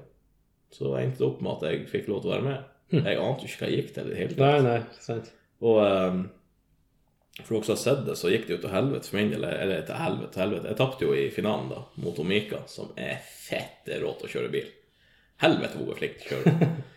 Så da sa han eh, ja, hun var sint for at jeg tapte mot ei jente. Jeg bare nei, det var fette rått. Hun er jo ti ganger bedre enn meg til å kjøre bil. Ja, ja, ja. det skulle faen bare mangle. Ja. Det var, det var fett artig. Men så, eh, så gikk jeg ut, og da regner jeg med at eh, jeg var ferdig. Skulle ikke høre noe mer fra NRK da. Det var noe artig til å være med, men jeg angrer jo litt på det i ettertid. Fordi eh, Jeg angrer ikke på at jeg var med, men jeg angrer på at jeg glemte av at kameraet var i trynet. For det er sykt. Du har Han som i bilen hadde fullt av kamera der, og alt, men du glemmer jo av at de er der, for du koser deg jo så i et helvete så du kjører bil. Det er jo dritartig. Og spesielt når du gjøre sånne spesielle ting, sånn som vi var på uh, Svolvær lufthavn. Og rett etter siste flyet var tatt av, så rulla vi inn bilene på flystripa og skulle dragrace midt på vinteren. Her var vi faen i januar-februar. Ble filma der. Masse minusgrader, og siste flyet letta. Ruller vi inn rett under landingslysene hans stort sett, og bare gønner på. Det var en helt syk opplevelse å være med på. Og så var vi jo på eh, Leknes, på Rasmussen Transport sin eh, terminal, og klikka vinkel der ute, og det lå liksom eh, Redningsskøyta lå der og passa på at jeg for i havet med dykkere på. og. Jeg vet jo at faen, jeg begynner faen bli litt sånn shady. Da liksom har du bremset og stoppet driten når du kommer utover kaia der. Så det er mye fleiping med at jeg kanskje kom til å flyte godt siden jeg var tjukkast av dem. Ja, du holder bilen opp og Sett ut selene du har for å holde det rolig, så flyter bilen Ja, det var stort sett sånn. dupper som ei kork. ja, ja, ja. Det var fett artig. Og så eh, Finaledagen var jo kjørt nede på Eggum. Familien min er jo for så vidt ifra Eggum. Da var jo spesielt å komme dit da og kjøre. Casen var at etter eh, det første løpet vi kjørte, så hadde jeg allerede glemt av at jeg hadde kamera i trynet. Da vi var på Solvær, på lufthavnen, luftflyplassen. Flyplassen, for helvete. Dersom flyene fer. Dersom flyene fer til Snodig. Og så eh, hadde jo eh, Molly gått fram og skulle spørre meg noen spørsmål. Det var vel det en to-tre takinger før det ble rett. For det var jo kaldt og jævlig, og det jo, vi snakka jo feil begge to. Men hver gang han kom fram, så sa jeg bare noe mer og mer horribelt. Og til slutt så greide jeg å si det jeg har sagt jeg aldri mer skal si igjen. Det, Ja, hvordan gikk runden? ja, det var som kuken og kort og knallhardt. Ja, Ikke sant? Jeg er jo fette drit satans lei det sitatet der nå. Men eh, det er klart, det var jo ikke Det er jo ikke noe du regner med du skal høre på NRK. Nei, ikke. Så Og som blir laga til et sånn eget bitte lite klipp på Ja. YouTube, og så går Det det for shotten sin der. gått overalt. Det var akkurat det der som ble definisjonen på deg. Det er en jævla trist ting å bli kjent for. At det var en, en, det var en kort kuk, ikke sant? Det var, kunne jo sagt at det var noe annet. Alt annet jeg kan snakke ned om kjønnsorganet ditt, hadde jo gulpet på, tenker jeg. Du sa jo strengt at ikke at det var din kuk. Nei, jeg sa jo ikke det, Du men folk det skjønte jo kuken. at det var tatt ifra sannheten. Eller kanskje jeg skjønte at han Jeg vet ikke. Dårlig gikk La det være et mysterium. Det er et mysterium. Det er noen som har sett den i egen, eh, egen person. Ja, i russetida var jeg kalt for halvsendt Åland. Så det er bare Og jeg hadde kort hår? Eller? Ja, altså, jeg hadde jævlig kort hår. ja, det var håret vi snakka om. Det var som håret. Det var Kort og stift. kort og krøllete. Kort og krøllete. Ja. Kort og lukta rart. Kort og fettete. Fy faen. Nei, jeg, jeg sa jo det, og jeg, jeg skjønner jo at det, det er jo fette brutalt for enkelte å høre på det der, spesielt nede i bibelbeltet, men uh, Det går an, heldigvis an å skru av TV-en Ja, hvis heldigvis. man har lyst. Men det var, det var fett artig, for etter den episoden der, først, da første episoden ble sendt, så hadde hun, som heter Sonja, hun hadde vel ropt Satan eller noe sånne greier. Og det var jo dæven hva vi klaga og fikk, vet du. Ja. halvveis drapstrusler for at hun hadde sagt et banneord på Ser TV. det? Og så ble vår episode sendt, og jeg, jeg bannes jo relativt ofte når jeg er gira. Og jeg kan jo se, det var jo inn et helvete girende. i en bil der og skulle kjøre om å vinne, ikke sant? Det var jo fette artig. Det gikk jo faen i ett. Da, da, da går jo skravla, for å si det sånn. Så det ble jo en del banning der. Og det var jo dæven han steike. Og Olga Åtis jeg kaller henne for, hun er mellom 55 og 104. Bor i eh, ja, Vestlandet en plass. Sør, Sørlandet heter det kanskje. Det glade Sørland. De er faen ikke så glad der nede, skal jeg fortelle deg. For satan, hvor sur de blir. De er stort sett sur. Dæven, hvor sur de er. Og herregud, hvor personlig kristne alle sammen er. Ekstremt. Jeg har jo bodd der nede i halvannet år. Oi, helvete. da er jo jeg bare meg sjøl, vanlig nordlending som er lett Ja. rodd i kjeften og alt det der. Setter meg inn på en buss, kikker på folk, og bare noen som ikke sitter med headset. Jeg kan prate med dem. Ja, ja, ja. Men hallo, har du vært på byen eller hvor faen? Sånn, prate med folk. Da får du stygge øyne med en gang. Ja, klart, de er jo faen ikke vant til å få prate med deg. Snur de seg bort i en vegg og kikker på den heller. Det er ikke noe interessert i det. Ja, det er vanvittig gravemaskin, altså. Det, det var sånn eh, De gamle kjerringene skrev, og ja, han hadde ikke ordforråd. Jeg tenker det at når jeg greier å finne på nye banneord mens jeg sitter i en bil, jeg vil jeg påstå har ganske greit ordforråd, egentlig. Hvis du spør om Arthur Arntzen, så er det jo derimot et svært rikt språk vi har her oppe. Ja, vi syns det er veldig rikt, vi kan jo faen meg Altså, Det handler, det, handler ikke om å, det handler ikke om å bannes mest, det handler om å bannes best. ja, banne klokt. Ja. Men sånn som ble klept på eh, sjette gir, så var det jo mye der som hørtes helt fette teit ut, for det var jo bare helvete, satan, fy faen. Da vet jeg ferdig den podkasten der. Ja. Men egentlig så er det jo, det er jo mye mer fargerikt. Altså, det var mye mer bannskap som hørte til de siste ordene dere fikk høre på TV. Som da hadde dere skjønt mer settingen. Ja. Sånn som jeg knekte jo eh, fingeren min da jeg kjørte finalerunden. Jeg Så skulle det? kjøre testrunden, så kilte jeg fingeren min fast i rattet, for jeg er jo nevle på faen med alt når jeg kjører bil. Jeg greier ikke å holde nevene for meg sjøl. Da knakk jeg lillefingeren, så han sto jo i offside inni hansken der. Så da jeg parkerte, så det var siste som kjørte testrunden, vi skulle jo rett ut og kjøre. Og det gikk jo til helvete. Jeg dro jo av med hansken og Jeg dro fingeren ut og plasserte den sånn cirka der den skulle være. Og da ble det jo litt banning, kan du si, for det gjorde jo innat helvete vondt. Ja, ja, ja. Fikk stripsa han fast i en annen finger der, og så var det bare å gønne på. Dæven, hvor jeg, jeg hadde tårer i øynene for jeg, mesteparten av den første runden, for satan hvor vondt det gjorde. Faen, ja. Inntil adrenalinet kommer og tar overhånd. Og jeg har jo aldri i mitt liv latt eh, mitt sinne, altså bortsett fra tastatur, mus og ei anna PlayStation-stikke av å kjenne på mitt sinne. Utover det så har jeg ikke slått i døde ting. I hvert fall ikke i voksen alder. Nei. Men jeg hadde fitta rett av banen der og knust girkassa og knekt finger og alt der bare sorgen gikk ut, og så spente jeg i bildøra mi. Jeg var så sint. Jeg tenkte bare satan, for en idiot jeg er. Rett at jeg spente. Jeg dæven, hvor dum jeg er. Ja. Du har knekt tåa òg. Da får du brekke liksom når det gir. jeg knekker noe mer nå. Jævla mannskje. I tillegg så kunne ikke jeg ta ordentlig smertestillende, for jeg måtte jo kjøre driten hjem. Jeg skulle jo på jobben i Oslo bare noen timer senere. Jeg måtte kjøre der fra Eggum på Lofoten og hjem til Bardufoss. Med knekt finger og uten smertestillende. Og så var det selvfølgelig ikke automatiker heller jeg kjørte, så måtte jo faen meg ta på alt. Noe jævla drit. Ja, for jeg trodde jo at jeg var ferdig med hele sjette gir når jeg var ferdig der. Så ble jeg oppringt da igjen ute på uh, Ute på uh, ja, senvåren, kan man kanskje si. senvår for oss her oppe, men sommer Ja, for da var ferdig Var det vinteren som var siste innspillinga? Nei, vinteren var vel eh, den andre innspillinga. Første innspillinga vi gjorde, var uh, Trøndelag. Den filma de året før. Ok. Og så kom eh, vi inn da i januar, og så gikk ballet på seg hele veien. Til eh, høsten, var det for helvete. Og ute i augusten hen der plassen. Høst, august Ja ja, ish. Sensommeren. Sensommeren. Ja. Så ble jeg oppringt og sagt at hvis Mika klarer eh, å vinne offroaden som er i dag, så eh, vil vi at du skal komme ned og være i lag med henne. For dere skal gjøre en oppgave i lag da, på finalen. ja. Jeg var interessert i det. Og så sa jeg, uten å tenke meg, selvfølgelig sa jeg ja, med en fette staking. Jeg tenkte sånn, Nummer én, fikk se Mika igjen, for hun er jo fette artig. Og nummer to, eh, det hørtes bare fette kult ut. Tenk, hva faen skal vi gjøre for noe? Så fikk jeg høre at vi skulle kjøre rally. Da ble jeg fette livredd, for jeg har jo sett hvordan rally fungerer. Og kom ned dit og fikk helse på folkene og alt det her. Og fikk kjørt litt rally og var fette livredd. Trodde jo faen meg skulle dø i annenhver sving. Men hvilken bil kjørte du da?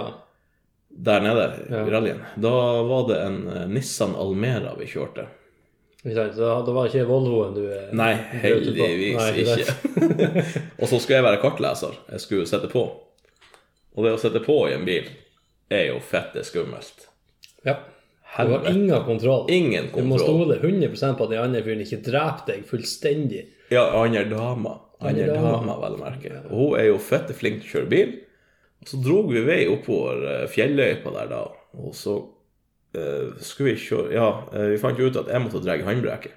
For bilen var altså fette dårlig bygd, den bilen. Han, å herregud, for en søppelbil. Han besto av gamle spikere og en og annen tannpirker og litt strips. Det var, for, det var søppel alt. Så håndbrekket var så dårlig at det gikk ikke an å trekke i det for henne. Så men jeg tok jo i, da gikk det jo greit. Da fikk jeg låst bakhjulet. så vi skulle snu rundt Tønne, så det var jeg som nappa i håndbrekket. Er. Og det gikk jo for så vidt greit. Og på testrunden så nappa vi håndbrekket og snudde på toppen, og så full fetting nedover. Jeg, det, var, det var min oppgave å skrive ned hva vi hadde framfor oss, hvilke svinger som kom, om det var et hopp eller en krøn, ikke sant. Det, det heter vel gjerne krøn, heter ikke hopp. Bakketopp. Bakketopp. Alle jævla pisser her. Og jeg hadde jo gått glipp av en bakketopp, da, som ble en krøn på vei ned når du kommer i hundre og helvete. Og i panikken jeg så den der, så ropte jeg 'brems'! For det, var ikke, det, var ikke, det sto ikke noen plass. Men panikken tok meg. Jeg ropte 'brems', og som ei fitte. Jeg hylte 'brems', tror jeg faktisk. Det, var, det kom litt sæd i buksa idet jeg ropte 'brems', der, for jeg tenkte 'vi dør'. Vi dør. Jeg må si noe for å være sikker på at vi skal dø. Men siden jeg sa det, så holdt de faen på å dø, for hun kakka jo i bremsa da. Kakke i bremsa i en bil som du ligger på flat pedal i siste gir, og du har en bakketopp og en sving til høyre. Da skal du ikke kakke i bremsa. Det er ikke bra. Så vi lå jo mongolid fette sidelengs der. Og jeg husker eneste jeg ropet til Mika, var 'Klip, for helvete! Klip, klip, klip!' 'Hva skal jeg klippe med pedalene?' 'Klipp dem driten igjen!' Jeg var så redd, vet du. Jeg satt og Jeg, jeg tror jeg ble jeg, jeg vet ikke om de filma inni bilen og vi ser på noen klipp, men jeg var Dæven, hvor hvit jeg var i ansiktet. For jeg trodde faen vi skulle stryke med, og det er Nissan Almera. Det er verre enn å dø i Fossbakken i en lastebil. det er liksom Gå inn i skogene i Trøndelag og alle plass. Nei, helvete, altså. Men det, det berga seg nå. Så fikk vi kjøre finalen der, og da skulle vi jo dra handbrekk håndbrekk på nytt igjen. Og da hadde vi litt Samme løypa. samme løypa. Skulle kjøre finalen. Det var, det var testrunden vår. Og så gikk det vi hadde, Hun bremsa opp litt for tidlig, så vi hadde ikke nok fart. Så jeg tenkte må jeg faen meg slite ordentlig i det håndbrekket her. Og sleit jeg var god for å knakke håndbrekket rett av bilen. Så det, det var jo jævlig stilig. Så sa jeg ropte Mika, vi er fri for håndbrekk, og så gikk vi rett ut i skogen. For vi fikk jo ikke stoppa driten. Og så var hun litt for kort, så hun nådde ikke kløtsjen ordentlig. Så hadde ei pute mindre i ryggen enn hun kjørte testrunder. Skulle slite bilen i revers, og så fikk hun den faen ikke i revers, og fikk ikke kløtsjen ordentlig inn. Måtte lene fram og nakke tak i girstangen, holdt på å slite den òg av bilen for vi kom oss i revers. Da eh, De klepte det jo eh, på NRK, så det ser ut som vi lå lenger etter. Men egentlig så lå vi likt da med han som vant hele driten. Ja, for å lage litt sånn eh, dramatikk. Ja, men eh, vi lå egentlig fette likt med han da. Hadde ikke vært for at jeg sleit av håndbrekket der, og at hun heller kjørte svingen sånn som hun egentlig skulle kjøre den, uten håndbrekk, som vi egentlig tenkte at vi skulle kanskje gjort det uansett, så hadde, hadde det gått mye likere. For uh, hun er så inn at helvete flink til å kjøre bil. Og jeg sto der da i finalen, da premien skulle deles ut. Da fikk jeg vite at det er pengepremie. Ja. Jeg hadde vært med på masse jævla filming og drit, og så fikk jeg vite siste dagen, de siste minuttene av innspillinga, at jeg kunne vinne 50 000 kroner. Jeg var sånn satan, hvorfor fikk jeg ikke vite det for syv måneder siden? Så skulle jeg jo gjort det ordentlig. Jeg hadde jo faen ikke peiling på det pengepris. Jeg hadde jo som sagt jeg hadde ikke meldt meg på det. Jeg hadde ikke søkt på driten. Nei, Jeg hadde jo faen ikke peiling på at det var penger i bildet. Nei. Det hadde jo Jeg tror kanskje showet ble bedre at du ikke visste det. Jeg tror kanskje òg det. Du kosa deg bare mer. Ja, for jeg gjorde jo. Jeg ga meg helvete i alt. Jeg ga meg en god faen. Det er sikkert bare du som ikke fikk vite det òg. Ja, Alle andre kjørte for penger. Altså, jeg kan godt til at jeg fikk vite det, men det er casen at når jeg begynner å prate med folk, og så eh, jeg, jeg liker å prate med folk. Jævlig glad i å prate med folk. Men problemet er at når jeg prater med veldig mange folk, så får jeg ikke med meg en jævla drit. det blir jo bare tøv alt. Så jeg kan godt ha fått beskjed om at det var pengepris, men jeg kan jeg fikk ikke huske det. Nei, ikke sant. Men jeg fikk nå vite det da, i hvert fall. Og, og flaksen med det hele, med at han Lars vant, det er at uh, han drikker ikke. Så det blir masse champagne for meg. Så du fikk jo en god premie. Nei, jeg fikk en god premie. Jeg hadde tok med meg tre champagneflasker. Og så, og så for vi sørover. Kjørte hun, var med om Mika, så kjørte vi en eh, bobil nedover til Hamar, så jeg jobba jo der. Tok meg fri en ekstra dag, og så skjenkte vi godt der. når vi Begynte å nærme oss Hamar. Det var god stemning. Ja. Det var fett. Det var en artig opplevelse å være med på. Og ikke minst har jeg fått lov til å eh, gjøre sinnssykt mye artige ting etter jeg var med på TV. ja, for det er jo det vi skal komme til nå. Ja. Det er jo etter det her så har jo du blitt ringt for å være med på verdens eh, Hva kan jeg kalle det? Norges, Norges råeste bakkeløp. råeste bakkeløp. Ja. Og det var en helt sinnssyk opplevelse. Det organiserer de oppe i fjellandsbyen i Målselv. Ja, og det er blitt fette digert. Det, det er faktisk Norges råeste bakkeløp. Det er uten tvil. Og egentlig skulle jeg og Mika kjøre i lag eh, Gymkhana, altså hun er sin bil, jeg er min bil. For det det jeg skulle kjøre, egentlig. Men så har hun akkurat kjøpt seg hus nede i Grimstad, og eh, masse greier, så uh, hun kunne jo ikke det, da, dessverre. Men så skulle jeg dit allikevel da, og kjøre litt show og sånne ting. Og det gikk jo, det, det var en helt syk opplevelse å få lov til å komme og kjøre i lag med din idol. Petter Solberg var der, for helvete. Han har jo jeg sett opp til siden jeg var ja, Jeg tror faen ikke jeg kommet ut av kuken på pappa engang. Det var, det var liksom det, det var tidlig jeg begynte å se opp til han. Å få lov til å kjøre på samme bane som han var helt sinnssykt. Og så Buldre Racing Team, som er for min, min del er det, de, det er det største racingteamet, tror jeg, i Norge som holder på med det like. Det er jo drifting og den slags. Og få lov til å hilse på dem, og de var jo fette trivelige, hele gjengen. Og ikke minst han eh, Smygen og han eh, Gassmann fra Bergen som kom opp i en eh, Omega 3000 med 1000 hesters V8-eri. og fikk lov til å prate med dem. Og han Gassmann han sendte meg melding på Facebook et par dager før om vi skulle ta oss et par øl. og liksom sånn. Tenkte først hvem i helvete er du? Men ja, jeg er jo med på øl bestandig. Og så gikk det opp for meg hvem det her var. At det er jo faen meg Han, han er jo en av sponsorene til han Smygen og en god kompis av han. Og han Smugen Smygen var jo norgesmester i drifting samme året som han eh, Åsebø ble verdensmester i drifting. Da gikk det opp for meg at faen, det her er jo folk jeg ser opp til. liksom, hva i helvete? Vil de snakke med meg? Og det var jo så fett artig, for vi var jo samme ulla hele gjengen. Det var jo fette kanonfolk, det òg, vet du. Det var jo fiskekort og sjarsk om en annen med de karene der. ja. Det var fett Du artig. må forklare det med fiskekort. Ja, i dem Han, eh, han Gassmann sa det som følger at eh, i Nord-Norge så eh, trenger du noen kort når vi stopper i kontroll. Og de kjørte jo med biltralle etter, og så var det sånn Har du førerkort? Nei, det hadde de som regel ikke med seg. Du har kanskje vognkort med deg til bilen, og hengeren har du i hvert fall ikke vognkort med deg. Så blir du stoppa ikke i kontroll, så blir du spurt om alle de tingene her. Men så spør de slutt har du fiskekort. Selvfølgelig har jeg fiskekort! Da er det bare å kjøre videre. For det, det, er jo, mye fisking her oppe, og det er jo langs Målselva det her skjer. Det er derfor folk skal nordover. Er Ja, det er jo helvete. Og det er jo eh, Det var en syk opplevelse. Og jeg skulle jo egentlig kun kjøre den onsdagen, da. På inn på Heggelia leir. Det er òg tøft for å kjøre inn i leiren på Heggelia. Mm. Det er sykt. Og eh, så plutselig ble jeg bare oppringt av eh, spikeren og spurte hvor i helvete jeg var på torsdagen. Når jeg ligger og sover. Ja, om jeg ikke kom oppover til Setermoen og kjørte der òg. Så jeg, faen skal vi der? Nei, vent litt, bilen din fungerer kanskje ikke. Så men det er greit, jeg er på tur. Ja? Ikke sant? En liten stikker. Blir jo så jævlig stukken, ikke sant? For bilen, jeg, jeg kjørte jo full fetting hele tida. Bilen kokte jo, det var jo fett artig. Jeg ga meg jo faen. Jeg regner med at bilen kom sikkert ikke til å holde onsdagen. Men så holdt han jo onsdagen. Og når jeg fikk lov til å kjøre torsdagen, regner jeg han kommer sikkert ikke til å holde torsdagen heller. Ja, jeg fikk oppleve litt. Jeg var jo med og skrudde på tirsdagen. Ja, det var med skrudde der, ja. Det var jo eh, kos. Så det var bra at den, eh, den holdt i hvert fall den eh, Ja, faen, det blir jo Waste- Wastegates-dagen som jeg eh, Det, improviserte. det fungerte Det datt ikke av, ikke sant? Det, ikke av. Det var faen meg bra greier. Ja, artig å se litt av det. Jeg så jo på eh, torsdagen når jeg kjørte opp i, eh, på Bardubanen. Og da var så sykt, for han Petter Solberg han er jo en verdensmester. Mm. Og sånne folk skal man ikke pelle på nesa, og i hvert fall ikke utsette æra deres for noe som helst. Og han eh, Per Christian, han PC, han spikeren, hadde jo fyrt han da til å kjøre bilcrossbil.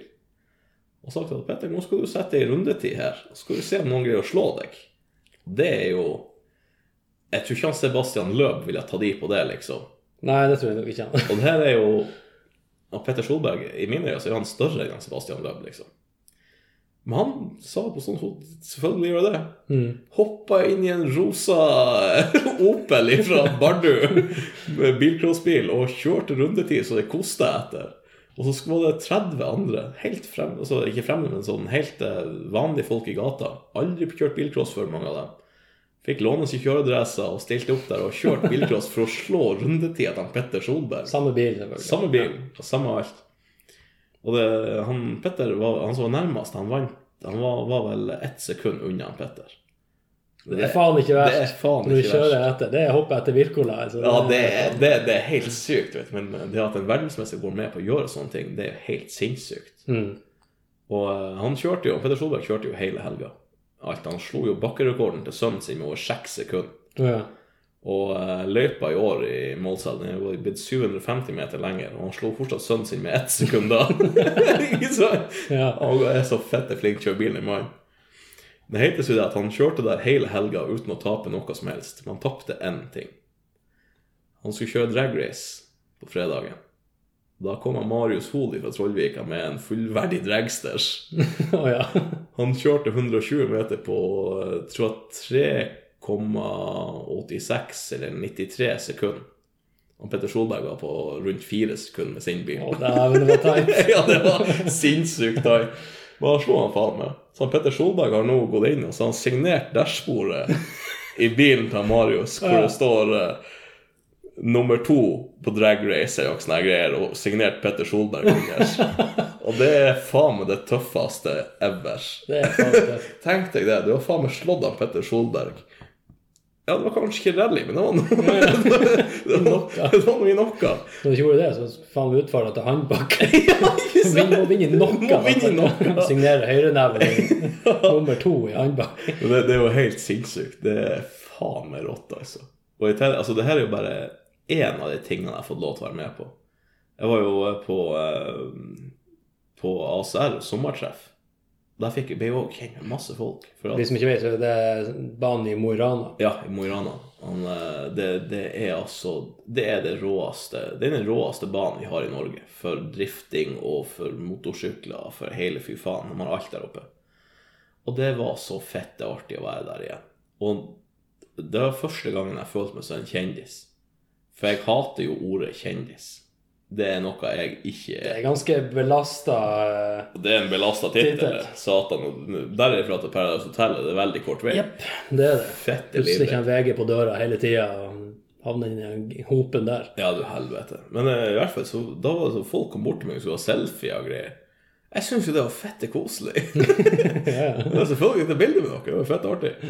Og fikk lov til å være der og bare være meg sjøl. Det var fette deilig blant uh, masse andre bilglade folk. Mm. Og der fikk man jo testa bilen, hva han var god for, for før jeg skulle til bakkeløpet. da. For det var det jeg skulle si sant, til han eh, teamet eh, Hva du kalte det? i norske Buldre. Buldre. ja. Ja. I bunn og grunn så er det jo folk som er lidenskapelige for biler. ja. Det er jo det alle de er i Ekstremt bunn. sant, Og at, måtte, at de har blitt jævla flinke i det. At de blir kjent, er jo et resultat av at de har blitt flinke. Ja, du helvete. Ikke sant?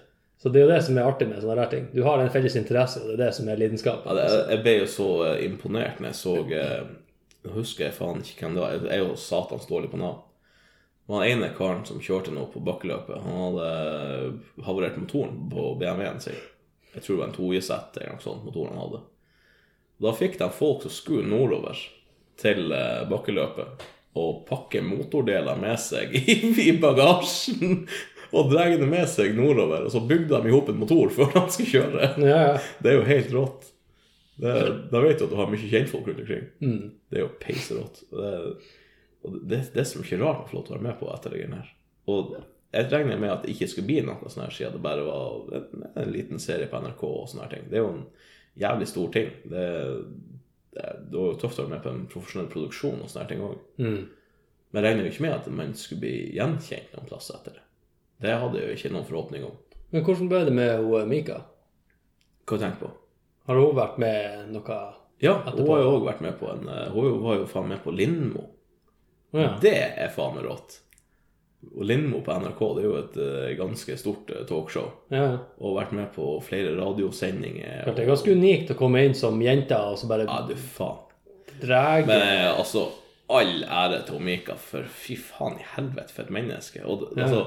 Hun er jo kjempetrivelig og grei og alt det her, men hun er jo som forbanna ulv i fåreklær. Altså, Ja, og der bak rattet i en bil, så blir jo hun sinnssyk. Ja.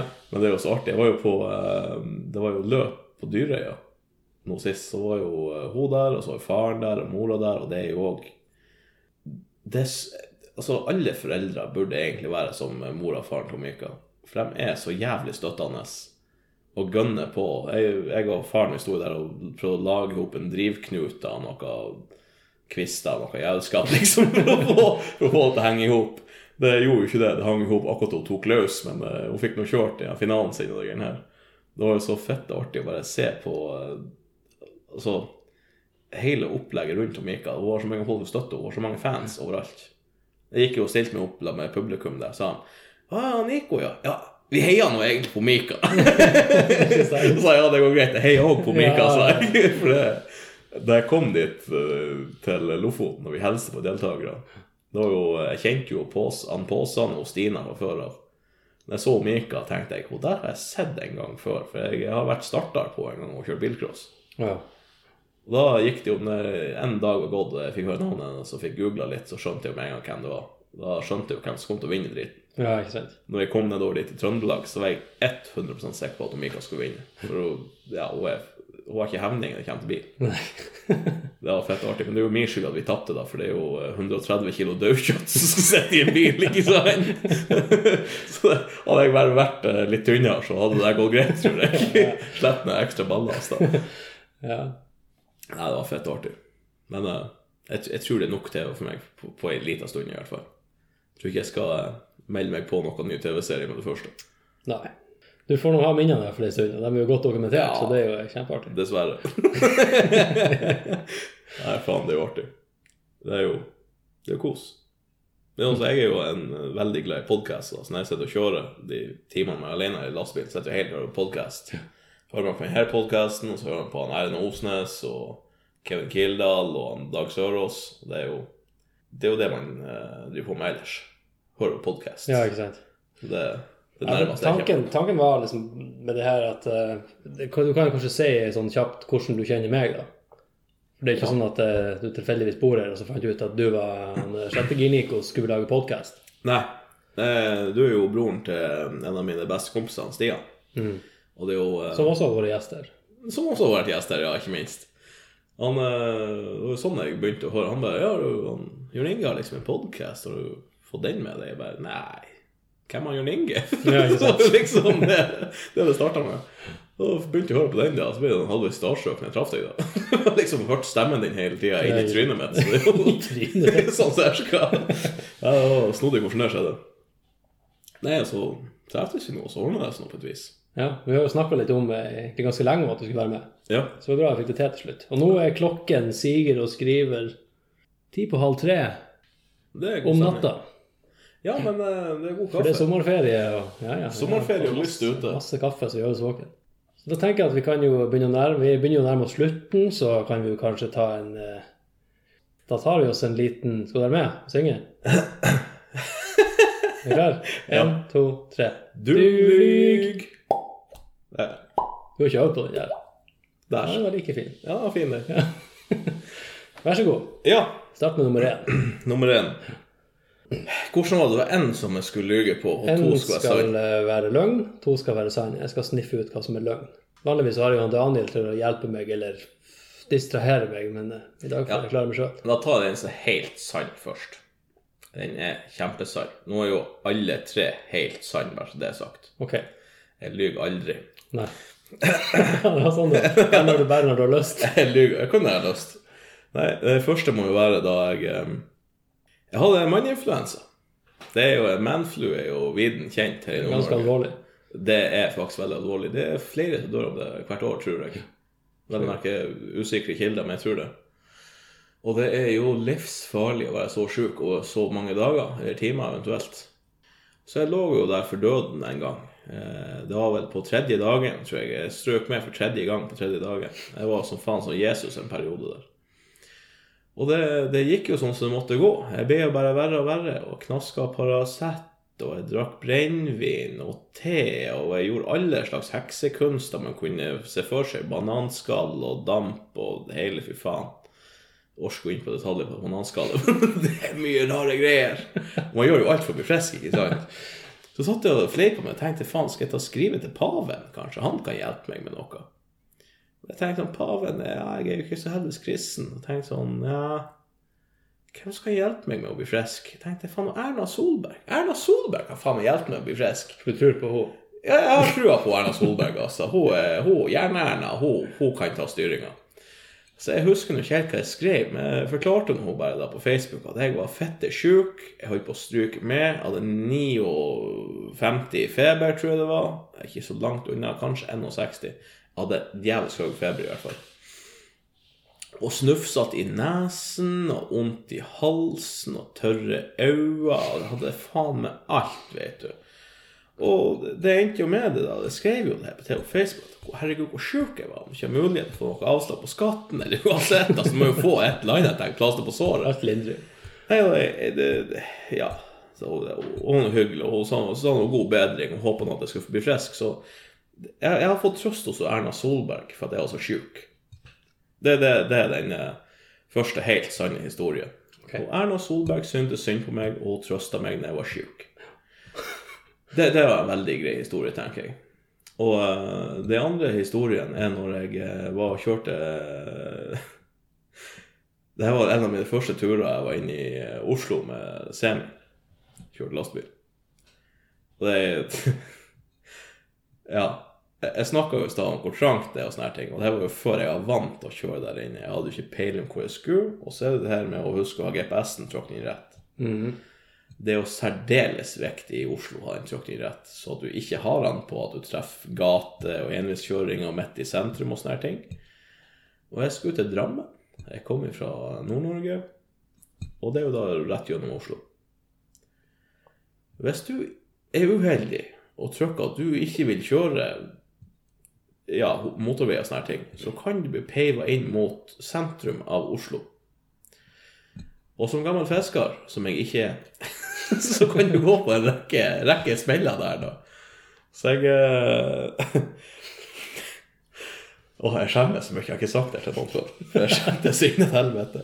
Jeg eh, var og kjørte, ikke sant, og det ble jo plutselig veldig, veldig trange gater.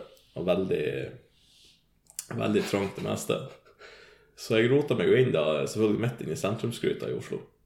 Og det er jo faen ikke bare bare å snu. Men jeg har jo vært eh, Det her var jo etter 2015. I 2015 så var jeg på ACDC, så jeg ble jo litt kjent i noen gater til fots. Så kjente jeg igjen noen gater, da. Så tenkte jeg meg så Jeg vet at Slottet er i retninga der. Jeg vet at jeg greier å få snudd eh, på baksida av Slottet, for der har jeg vært og gått. Jeg vet det er plass til det. Jeg vet det går helt fint. Hvis jeg visste hvordan jeg skulle kjøre dit. For det gikk jo ikke fullt så fint. For jeg kom jo, eh, det var jo faen med trikkeskinn, det var jo faenskap over fettet og alt der. Det var jo rot der. Men heldigvis var det jo sent på kveld. Så det var ikke Altså, det var mye trafikk for meg den gang. Men nå så er det ikke så mye trafikk. For det var jo over kanskje fem på morgenen. Så midt på natta morgenen, whatever. Så jeg kjørte nå inn dit, da, og da eh, Jeg måtte jo gå ut og spørre han ene karen i vakta om hvor jeg kunne snu hen. For jeg måtte jo bare stoppe og gå opp til Slottet og høre om han kunne hjelpe meg. For jeg kom jo faen ingen vei. Jeg kjørte jo gjerne ikke semi, da var jo bil og henger, så det var et helvete å snu. Du er 18 meter lang, vet du, masse hjul, og det er ikke noe du rygger med. Nei. Ikke for en som ikke er flink til det, for jeg var ikke flink til det. Da fikk jeg lov til å snu inn på Slottsplassen. Mot at de måtte jo se at det var klart, for det er jo ikke helt lov å snu inn på Slottsplassen. For det er jo trangt å komme seg inn dit, men det er jo god plass å snu der. Så det, det nærmer seg til kong Harald. Og det er historien min. Jeg har stått ut foran kong Harald med vogntog. Det Grunnen til at det ikke er dokumentert noen plass, eller sånt, det var at jeg fikk ikke lov til å ta bilde ut av det, og helst ikke snakke om det. Jeg tenker at nå er det forelda, for det var i 2016, så det, det burde gå greit. Og så var det midt på natta, så ingen fikk det med seg. Men det var, det var, det var, det var faktisk rått. Men uh, jeg var så fette livredd, for jeg var halvveis trygla og bedda han karen der i, i den jævla bua si om det gikk greit. Vi fikk Norna på et vis. Mista han fjæra i hatten, da? Nei, det, ja, han var en veldig trivelig kar. Han er fra Trøndelag, faktisk. Var en jævla trivelig kar. Nei, det var, det var mye fliring der, for jeg fikk snudd. For det. det var liksom det han, han skjønte jo det her at det, det var ikke noe særlig å snu. For problemet med de trikkeskinnene og alt det som er der, det er at de var ikke høye nok. Så eh, det er jo det med høgda igjen. For ledningen går jo på fire meter, jeg har 4,40, så det var ikke bare bare å komme seg noen plass. Plutselig så mye du å gå på skinner den. Ja, for det var liksom når jeg skulle inn dit For jeg, jeg visste jo ikke at det var med Slottet før jeg sto i krysset ned med Ikke Nationaltheatret, noe jævla driten i skråninga der, i hvert fall. Det var da jeg kom på at eh, det er faktisk den eneste åpne plassen jeg vet om i hele Oslo. For jeg, jeg vet jo ikke om noen andre plass i Oslo. Så det ble det bare til den. Nei, det gikk nå bra. Okay. Det var nummer to. Det var nummer to. Og så den eh, siste, den er jo enda mer sann. Oi. Den er så sann, den. Jeg var og kjørte um, Det er lastebilhistorie, det òg, da. Alt er lastebilhistorie. Tror jeg. Det var den første lastebilhistorie. Ja, det var sikkert. Første var Erna Solberg og Trøst. Ja, nesten. Nesten lastebilhistorie, det òg. Det var i henhold til lastebil òg. Jeg hadde kjørt lastebil i jeg ble sjuk. Nei, og da eh, var jeg og kjørte lastebil i Tromsø. Eller jeg kjørte ikke i Tromsø, jeg henta varer på Ica, for det var lagt ned i Narvik. Og så kjørte jeg dem til Tromsø. For jeg kjørte i Narvik, Tromsø, Tromsø, Narvik fast i en periode. Og da eh, var det jo streik i Tromsø. Havnearbeiderne var på streik der. Og det var jo et helvetes liv. Dæven hvor de streika. Altså, havnearbeiderne er kanskje verdens beste streikere. For de, jeg tror faen ennå de streiker, for å være helt ærlig. Jeg tror faen ikke det blir ordna, den saken der. De, de er fette flinke til å streike. Og eh, var godt med kaffe. Og um, de, de streiker jo så innstigende helvete, havnearbeidere. De er så flinke til å streike. Flere av dem er fra Narvik, og de er jo verdensmestere i streik i Narvik. Dæven, de er flinke til å streike i Narvik, altså. Verdensmester er det meste i Narvik. De er jo det. Satan, altså. Hadde en gang en mekaniker som skulle på lastebilen min, vet du. Han var, han var fra Narvik. Og han var så flink til å skru på en bil. Jeg måtte liste meg forbi han så han ikke starta om morgenen. Det var helt jævlig. Men i hvert fall, det jo noe om Narvik. Og så den der eh, havnearbeiderne, de streika jo som en motherfuckere, hele fette gjengen. Jeg tror ikke fikk kunne komme inn der, da. Vi sto jo en eh, Jeg har lyst til å si en to-tre under vogntog og venta på å komme inn. Jeg skulle låse til Hurtigruta. Det var det kanskje bare to-tre vogntog. Og jeg var jo òg der. Kjørte vi inn der, og lossa. Det tar jo en liten time å tippe lastebilen, vet du. Og så skulle vi ut derifra. Her har jo streikerne betta seg fast med lenker og hele fy faen. Og så ble det SM-party rett på utsida av bommen der. For det er jo sånn ISP, hva er det heter? ISPS. Ja, helt riktig. Da hadde jo bomma over fett og alt. Som sto jo da sperra inne de lastebilene sto der. Blant annet meg, som sto fremst i køen. Jeg sto jo med nesen min eh, i tillegg. Av gammel eh, vane så hadde jeg full fetting på lastebilen rundt svingen der, for vet det er jo ingenting der det blir en bom der. Men da måtte jeg ha harske bremser for ikke jeg skulle drepe en 45 streikere, ikke sant? Og politiet sto der, og brannvesenet og Securitas, og jeg tror tre stykker fra kirka, og det var, det var fullt eh, Hva var det? Dæven hva folk som var der. Og da sto jo steika der, vet du, og så var det Vi slapp jo ikke gjennom. Og jeg skulle jo hjem. Jeg skulle jo for helvete på fri, vet du. Og det var- jo fredag og god stemning. Jeg skulle jo til Finnsnes, trodde jeg. Men han streika jo sikkert helvete lenge. Så fikk jeg beskjed fra politiet at eh, nå er det ti minutter igjen av streiken deres. Hvis du vil, så kan du prøve å kjøre gjennom nå. Og hvis noen stopper deg, så legger vi dem i jern og hiver dem i maien og rett i kasjotten. Så sto jeg der fremst i køen. Jeg sto jo bare med lastebilen 10-15 meter fra ansiktene til han uh, streikerne. Tenkte det, skal jeg bare starte bilen, bare fette rett på, og se om noen prøver å stoppe meg? For da blir jo de lagt i jern, og jeg, jeg syns jo det er fett artig å se folk bli lagt i jern. Da tenker vi humor på det hele. Men så kikker jeg på skriveren, har du stått der på hvile, og står du mer enn tre timer hvile, så blir det regna inn som en del av døgnhvilen din, så kan du kjøre tidligere dagen etterpå. Hadde sånn, Jeg hadde et kvarter igjen. Jeg hadde, jeg hadde syv-åtte minutter igjen av den hvilen der, og ti minutter de skal være ferdig å streike. Så tok jeg meg en kaffekopp, og så satte jeg meg fram på Du kan brette ned framme på Scaniaen, vet du. Så setter en liten benk og drikker kaffe. Og kjekk på streikerne.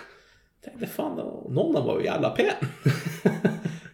Det hadde vært trist hvis de liksom ble burt inne. Så gikk jeg nå fram til dem og introduserte meg sjøl og forklarte dem det at eh, jeg vet dere har ti minutter igjen av, eller ni minutter igjen av streiken. Jeg har fått låst politiet nå til å kjøre gjennom. Bare så fett er klar over det. Og eh, den gang jeg ga meg jo helvete om folk streika. Jeg syntes det var teit at folk streiker, men nå skjønner jo jeg hvor smart det er. Det kommer jeg til nå snart. For det, det blir en jævla innvikla historie, det her. Skal vi se. Ja, så prater jeg med de karene her, da. Og eh, da visste det sånn at de spurte meg så snilt om jeg kunne, få, om jeg kunne vente de åtte minuttene som var igjen. da. Så jeg det er greit, det. Jeg skal vente de åtte minuttene. Men det, det må, nå kan jo ødelagt helga for meg. Så jeg må jo stå i Tromsø nå. Ja, og lei seg for det. Men eh, ja, da tar du og venter de minutt her. Skal vi, vi ringe opp på Jonas og bestiller pizza til hele gjengen? For det er jo vegg i vegg med Jonas, det her, vet du. Det er jo beste pizzaen i Tromsø. Tenkte jeg, faen, altså, det var ikke dumt. Det var faen ikke dumt, det der. Venta i minuttene der. Streikerne flytta seg, kjørte fram. Jeg var, kjørte på baksida, parkerte semien. Traska bort, og fikk jeg faen meg stående applaus hos eh, rundt 100 streikere der inne for at jeg hadde gjort så de ikke ble lagt i jern den dagen og fikk pizza der og øl og kosa meg. Så glemte jeg at faen, jeg må ha sjåfør på lastebil. så ordna jeg meg sjåfør på lastebil, fikk den frakta dit den skulle, i Tromsø. Så fikk stå der. Og så var jeg ute og drakk og skjenkte meg og kosa meg med alle de streikerne. Så vi ble jo jævlig gode kompiser. Og da jeg skjønte, fikk jeg høre liksom hvor kjekt det var å streike, og hvorfor de streika, at arbeidsplassen hans ble ødelagt og alt det greiene her. Og da, eh, senere en gang da jeg skulle dit, så eh, ble jo med der streikerne. Da fikk ingen lov til å kjøre inn. Og så hilste jeg på dem, kjente de meg igjen, så fikk jeg lov til å kjøre inn der og tippe varene mine. Og da hadde de lenka seg fast i Hurtigruta, de gærningene. De lå jo på landgangen til Hurtigruta, fette fastmoten hele gjengen, og ropte 'snu ut der ute' og alt det greiene der, hutte med hu. Og flirer meg i hjel. Og så kom jo da ikke én Maja, ikke to Maja, men tre Maja rulla inn på plassen. Og jeg følte jo for godt. Jeg hadde jo stereoanlegg i Storskanien, vet du, så jeg fitta opp døren, og så blæste jeg den Bad Boys-sangen mens de gikk fram og heiv dem i jern. Det var fette artig. Det var mange som begynte å flire. Til politiet flirte da jeg spilte Bad Boys på kaia der, og huka i jern. Så det, det er den historien. Da jeg ble kjent med streikerne, som jeg først syntes var kuka, som jeg fant ut til slutt var jævlig trivelige folk, som da til syvende og sist ble lagt i jern. Etter de hadde sluppet deg inn og vært grei med deg. Etter at de hadde slått i hjørnet. Jeg syns det var fett og artig å spille musikk. da. Men eh, som sagt, alle de historiene er helt sann. Det tror ikke jeg på. Jeg tror det ene er løgn. Det kan godt hende. Jeg har ikke anelse hvordan, men det Helvete, det er vanskelig. Oppsummering. Du har fått trøst hos Erna Solberg fordi at du hadde manflu, og det er jo ganske alvorlig, så det skjønner jeg jo. Ja, jeg snudd inne hos kongen Snudd hos kongen i og- Oslo. i Oslo på hans gårdsplass. Ja, det er jo egentlig Norge sin gårdsplass. da. Det er kongen sin gårdsplass. Det er greit. lurer ingen. Det er greit. Norge får ikke lov å være der vanligvis og bruke, bruke det som gårdsplass. Ja, for så vidt. Jeg, jeg kan ikke ha så gårdsplass. Det ligget biler strødd overalt. Det er dansegulv. Bra han ikke er sånn Ligger tippa en 240. skrotnisse. Ja. Kong skrotnissen. Det er han som har vært skrotnisse. Kongelig Så fett, mannskitt da. ligger døren. Volvo PV henger i buska. Nei, Jeg er sur eh, for at jeg ikke traff han den gangen. Det har vært litt artig. det vært han sto på høtta med neven til deg. Jævla lastebil! Nei da, det var, det var jævlig greia, Trønder. Ja, og så har du Streikere. blitt stoppa av streikere, men du fikk lov å komme ut, og du spanderte pizza, du kom tilbake, og du slapp deg inn, og så ble noen lagt i hjernen hvis du spilte Bad Boys. Yes. Fuck. Hva man skal si Først, si, første øyekast, eh, det første jeg tenker på, i hvert fall, er er at jeg vet, ikke, jeg vet ikke hvordan du skulle liksom fått respons fra Erna om akkurat det der. Det er jo veldig mange år siden. Da jeg tror jeg i 2000 Når faen vi ble hun eh, statsminister? Ja, var det før eller etter hun var statsminister? Da jeg tror jeg var statsminister. Selvfølgelig. Ellers visste jeg ikke hvem Erna var. Det- Jeg vet ikke hvor politisk aktiv du Det er er. jo faen den mest upolitiske aktive som fins. Politisk ukorrekt. Det er jeg. Jeg syns det høres drøyt ut. Det andre kan for så vidt ha skjedd, men om du har pynta litt på noe. Det hørtes òg ganske drøyt ut. skulle, som- Jeg har vært på Karl Johan og på Slottsplassen og alle de plassene her. Jeg vet ikke hvor mange enveiskjøringer det er der borte. Jeg har aldri kjørt der. Oh, ja. ja. Og Det er ingen, en, det er ingen enveisgåinger der, Nei, det er det heldigvis ikke. så vidt jeg vet. Da har det gått feil så. Jeg kan legge til at dette er etter ABB, så det er jo mer avsperringer der enn hva det ville vært før den tid. Ikke sant? Jeg syns ikke det her høres Det er ingenting som er sant. Er du sikker på at eh, Kanskje jeg Faen, om alt. Jeg tror du har løyet om alt. Det er, Det er ikke lov. Det er regelbrudd. Ja, nei, det- Prosedyrebrudd, så det holder. Ja, eh, fuck the system. Da sletter jeg episoden. Den kommer aldri ut. Jeg skjønner jo. Men jeg har gjort det mye sykt før jeg eh, ble den som folk vet jeg er nå. Det er derfor jeg tok litt sånn historie som er litt gammel. Ja, men jeg har jo ikke kjent deg så lenge. Nemlig. Så jeg er jo fucked uansett. Det er det. Men jeg kan si at det er et snev av sannhet i alle. Ja, to er jo helt snev av sannhet. det. Er kun snev av sannhet. det. høres jo helt Det er mye snev her. Snev. Snevert utvalg. Snevert utvalg. Nå tror jeg jeg går For helvete, jeg går for Erna. Du har ikke fått trøst hos Erna fordi at du hadde vennflu. Er du klar? Nei! Er du klar? Nei, jeg er ikke klar. Vent. Jeg er klar. Eh, Svaret avgitt. Svaret er avgitt, så ned med buksa her. Nå kan du ville vinne 0 millioner 000 000 Det vil jeg ikke ha. Jeg har allerede. Erna Solberg er helt sant, faktisk. Satan. Jeg har fått trøst hos Erna Solberg. Den er jeg faen meg stolt over. Det må jeg si. Ja, det må faen meg òg si. Jeg regna ikke med jeg skulle få svar der. Hvor, hvor, hvor, hvilken kanal? Facebooken hennes. Altså hennes eh, Ja, offentlige, offentlige profil. profil. ja. Ja. ja. Sier du det? Der fikk jeg trøst. Da var jeg bra sjuk. Det var siste utvei. Jeg var kanskje litt skjenkt òg, for mye konjakk for å prøve frisk. Det skal noe ærlig innrømmes. Og uh, den andre sannheten, skal jeg ta den? Er du klar? Jeg er klar. Det var faktisk det med streikerne i Tromsø. Det var også sant. Ja, det var også sant. Dæven steike, jeg hadde Det- lyst til å gå for nummer to! Helvete, jeg kjente det. Den lukta så jævlig. Nei, de streikene eh, Først så tenkte jeg bare Jeg satt jo tenkte bare faen for en forbanna tosker de på å streike. Jeg ikke bare gi seg. Men så ble jeg kjent med dem siden jeg eh, lot være å få dem innbura. For jeg sto jo fremst i køen. Jeg måtte uansett stå noen minutter ekstra, så det gjorde jo ikke meg noe. Og da fikk jeg masse kompiser, for at eh, de var jo fett trivelige. Og jeg syns jo synd i dem, for at hele yrket deres er jo borte. Mm. Og det, det starta jo Jeg vet ikke om det starta i Tromsø, om det starta ute i Lofoten en plass. Det er streikinga her. Men den hovedåra var liksom i Tromsø. Så det kom jo folk, støttefolk fra hele landet. De damene jeg snakka om så jævla fine, jeg tror det var legestudenter eller noe. Det var jo, hadde jo ingenting med havnearbeidere å gjøre. Det var jo fette deilig. Solidarisk Ja, ja, ja, solidarisk støtte. pinups. Ja, det var fett. Det var faen ikke dumt. Vet. Nei, men eh, jeg har ikke vært inne og snudd hos kongen. Det har jeg ikke. Men hva var snevet av sannhet i den historien?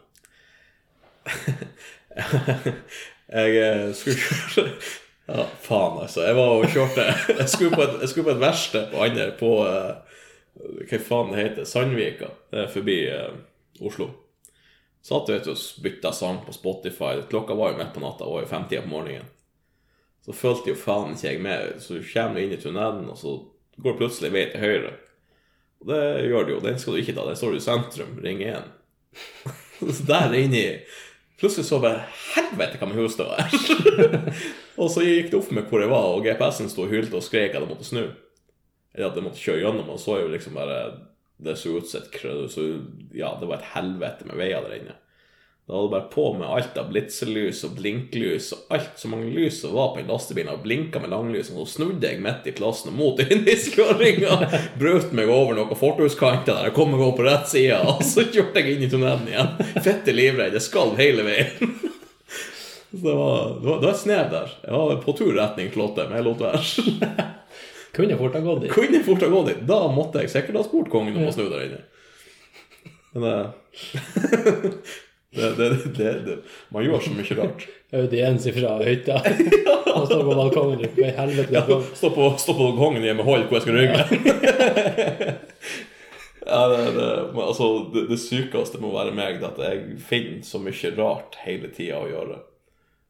Nå tenker jeg lenge for å være på TV og sånn piss, for det, jeg, jeg gjør bestandig mye syke ting. Og jeg havner i de sykeste situasjonene når man gjør det. Og det er jo det som er så fett artig. Jeg fikk jo eh, hadde plaga med internett. Så skrev jeg en melding til henne hun på eh, Eller ble jo til slutt til hun på Telenor. Så jeg og hun planla jo en date i nærmeste framtid etterpå. Det var fette koselig. Fikk en, eh, det var første gang jeg passerte jeg tror, 2000 likes på noe. Var, og jeg kommenterte til Telenor om at man faen ikke skulle ha internett i 2014, liksom. Nei, det var god stemning. Jeg har bestandig gjort mye galskap. Ja, så blir det artig å følge med det videre. Ja, Jeg kommer ikke til å slutte med det første, i hvert fall. Se hva som skjer. Det kan se ut som det blir mye artige greier. Satser på det, i hvert fall. Bra. Nei, men da men Nå er det jo natt. Ja, da må jeg si takk for kaffe. Ja, takk for kaffen. Det er ikke helt til slutt, da. Først må vi minne på eh, lytterne hva de må gjøre for å få tak i oss. Det må du gjøre. Ja. Ikke minst. Skal vi nevne at eh, du kan jo, dere kan jo følge han eh, Nico på Snapchat. Snapchat. Da heter jeg ZNico med C. Og på Instagram heter jeg ZNicoS, fordi at ZNico er en annen kuk som er tatt. Så nå heter jeg ZNikos på uh, ja, Snikos. Snikos på uh, Instagram. Har du flere plasser der du Ja, Grinder. Da er det bare å søke etter Bleikfeigt mann 27, nær Troms. Eh, Tinder, så er det bare å knuse telefonen. Og ellers så fungerer Swipe på havet? Swipe på havet. og så er det mulig å si røyksignaler mellom 10 og 3. Ja. Og på eh, Facebook eh, finner dere meg jo sikkert òg. Der heter jeg eh, Hva faen heter jeg egentlig? Jeg heter Nico, jeg. Nico Aaland. Nico J. Nico J. Aaland, ja. Det er bare å peise på. det var det. Og skulle det være noe til takk for kaffen, så er vi på Facebook på Takk for kaffen. Ja, eller dere sender mail til Det vet du jo. Takk for kaffen. At Gmail.com. Ja, rett! Fy faen! Det er faen ikke verst. Nei, det blir bra. Det er god stemning. Kan jo godt hende det blir en oppfører en vakker dag. Det er det jeg skal ikke se bort fra. Men da er det bare én ting å gjøre, og det er å si takk for kaffen. Takk for kaffen. Den var nydelig. Aldeles. Yes.